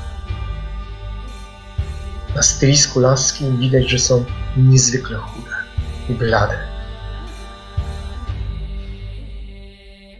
Giselbrecht ozwał się mężczyzna na środku. To on. Mężczyzna wyciągnął drugą dłoń i machnął ją przed sobą w twoją stronę. To z pewnością on, lordzie. Mężczyzna sięgnął za kolumnę, za którą okazało się, nie widziałeś wcześniej, stoi mały taborek. Podstawił go sobie i usiadł potężny mężczyzna na małym taborecie. Spod płaszcza dostrzegłeś teraz znaki heraldyczne. To znaki rodowe. Na Werenę. To elektor. Jak to możliwe?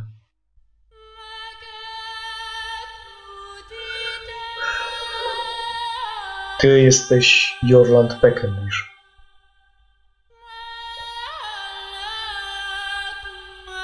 Mam dla ciebie ofertę. Mówi obojętnie. Od niej zależy twoje życie. Postaraj się jednak mówić szczerze. W przeciwnym razie ten apologeta rozpozna fałsz. Na razie nie wyciągnę ci knebla. Widzisz teraz, że przy jego pasie obija się o kamienną kolumnę oraz o ziemię miecz. Jest niezwykle pięknie inkrustowana. Przyglądasz się mu, nie patrzysz na mężczyznę. Rzuć proszę na inteligencję, testujemy twoją wiedzę historyczną. To mam bonusa jakiegoś? Mam 40%. No. nawet z bonusami by ci się nie udało. no niestety. Wiesz, co to za, za broń? Gdzieś ci się kolebocze, ale niestety nie możesz sobie przypomnieć. Musiałbyś się nad tym zastanowić, posiedzieć, pomyśleć, pogmerać w swoim umyśle. Na tą chwilę nie przychodzi ci do głowy.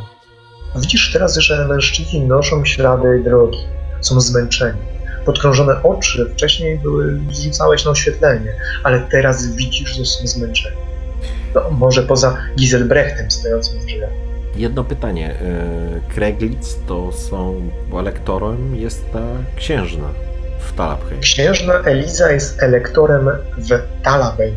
Jednak ona pochodzi również z rodu Untermerś. Jednak Kreglicowie rządzą całym Talabeklandem. Ach, rozumiem, okej. To księstwo. A. Talabein to miasto państwo. Okej. To bardzo skomplikowana rodzina. Z tego co pamiętasz, a co nie będziesz musiał nawet e, rzucać, to von Kreglicowie mieli swojego imperatora, Dietera von Kreglica, który abdykował po secesji jałowej krainy. Dodatkowo jeszcze, jeszcze była jedna cesarzowa, wielka księżna Ottilla Untermersi, z którą są spowinowaceni. To był 1360 rok. Właściwie to była wtedy wojna trzech cesarzy, bardziej skomplikowane ci. Nie o tym teraz ci myśleć, nie to ci w głowie. Opowiem ci pewną historię, a ty powiesz mi, czy będziesz potrafił mi pomóc. Od twojej odpowiedzi zależeć będzie twoje dalsze życie. Jeśli powiesz, że tak, możesz mi pomóc, to zabierzemy cię ze sobą i każdy kolejny dzień będzie dla ciebie zwycięstwem. To było częścią jakiegoś rytuału. To coś. To coś zabrało mojego. mojego syna.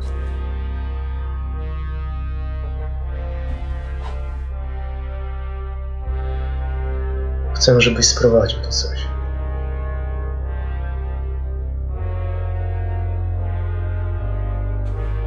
Sprowadził tu coś, żebym mógł odzyskać swoje dziecko.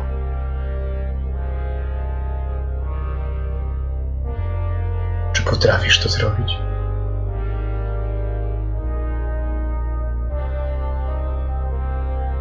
Wyciągnij mu knebel. Ależ panie, Oswald, wyciągnij mu knebel, powiedział pewnie. I Oswald obrócił się w twoją stronę, ręka na rękojeści. Drugą ręką zaczął wyciągać ci osilniony knebel. I wówczas apologeta poruszył się i skoncentrował, spoglądając na ciebie. Jednak Kreglitz nawet się nie poruszył. Patryk von Kreglitz. Jesteś pewien, że to nie jest elektor. Elektor miał na imię Gustaw. Ale to musi być on.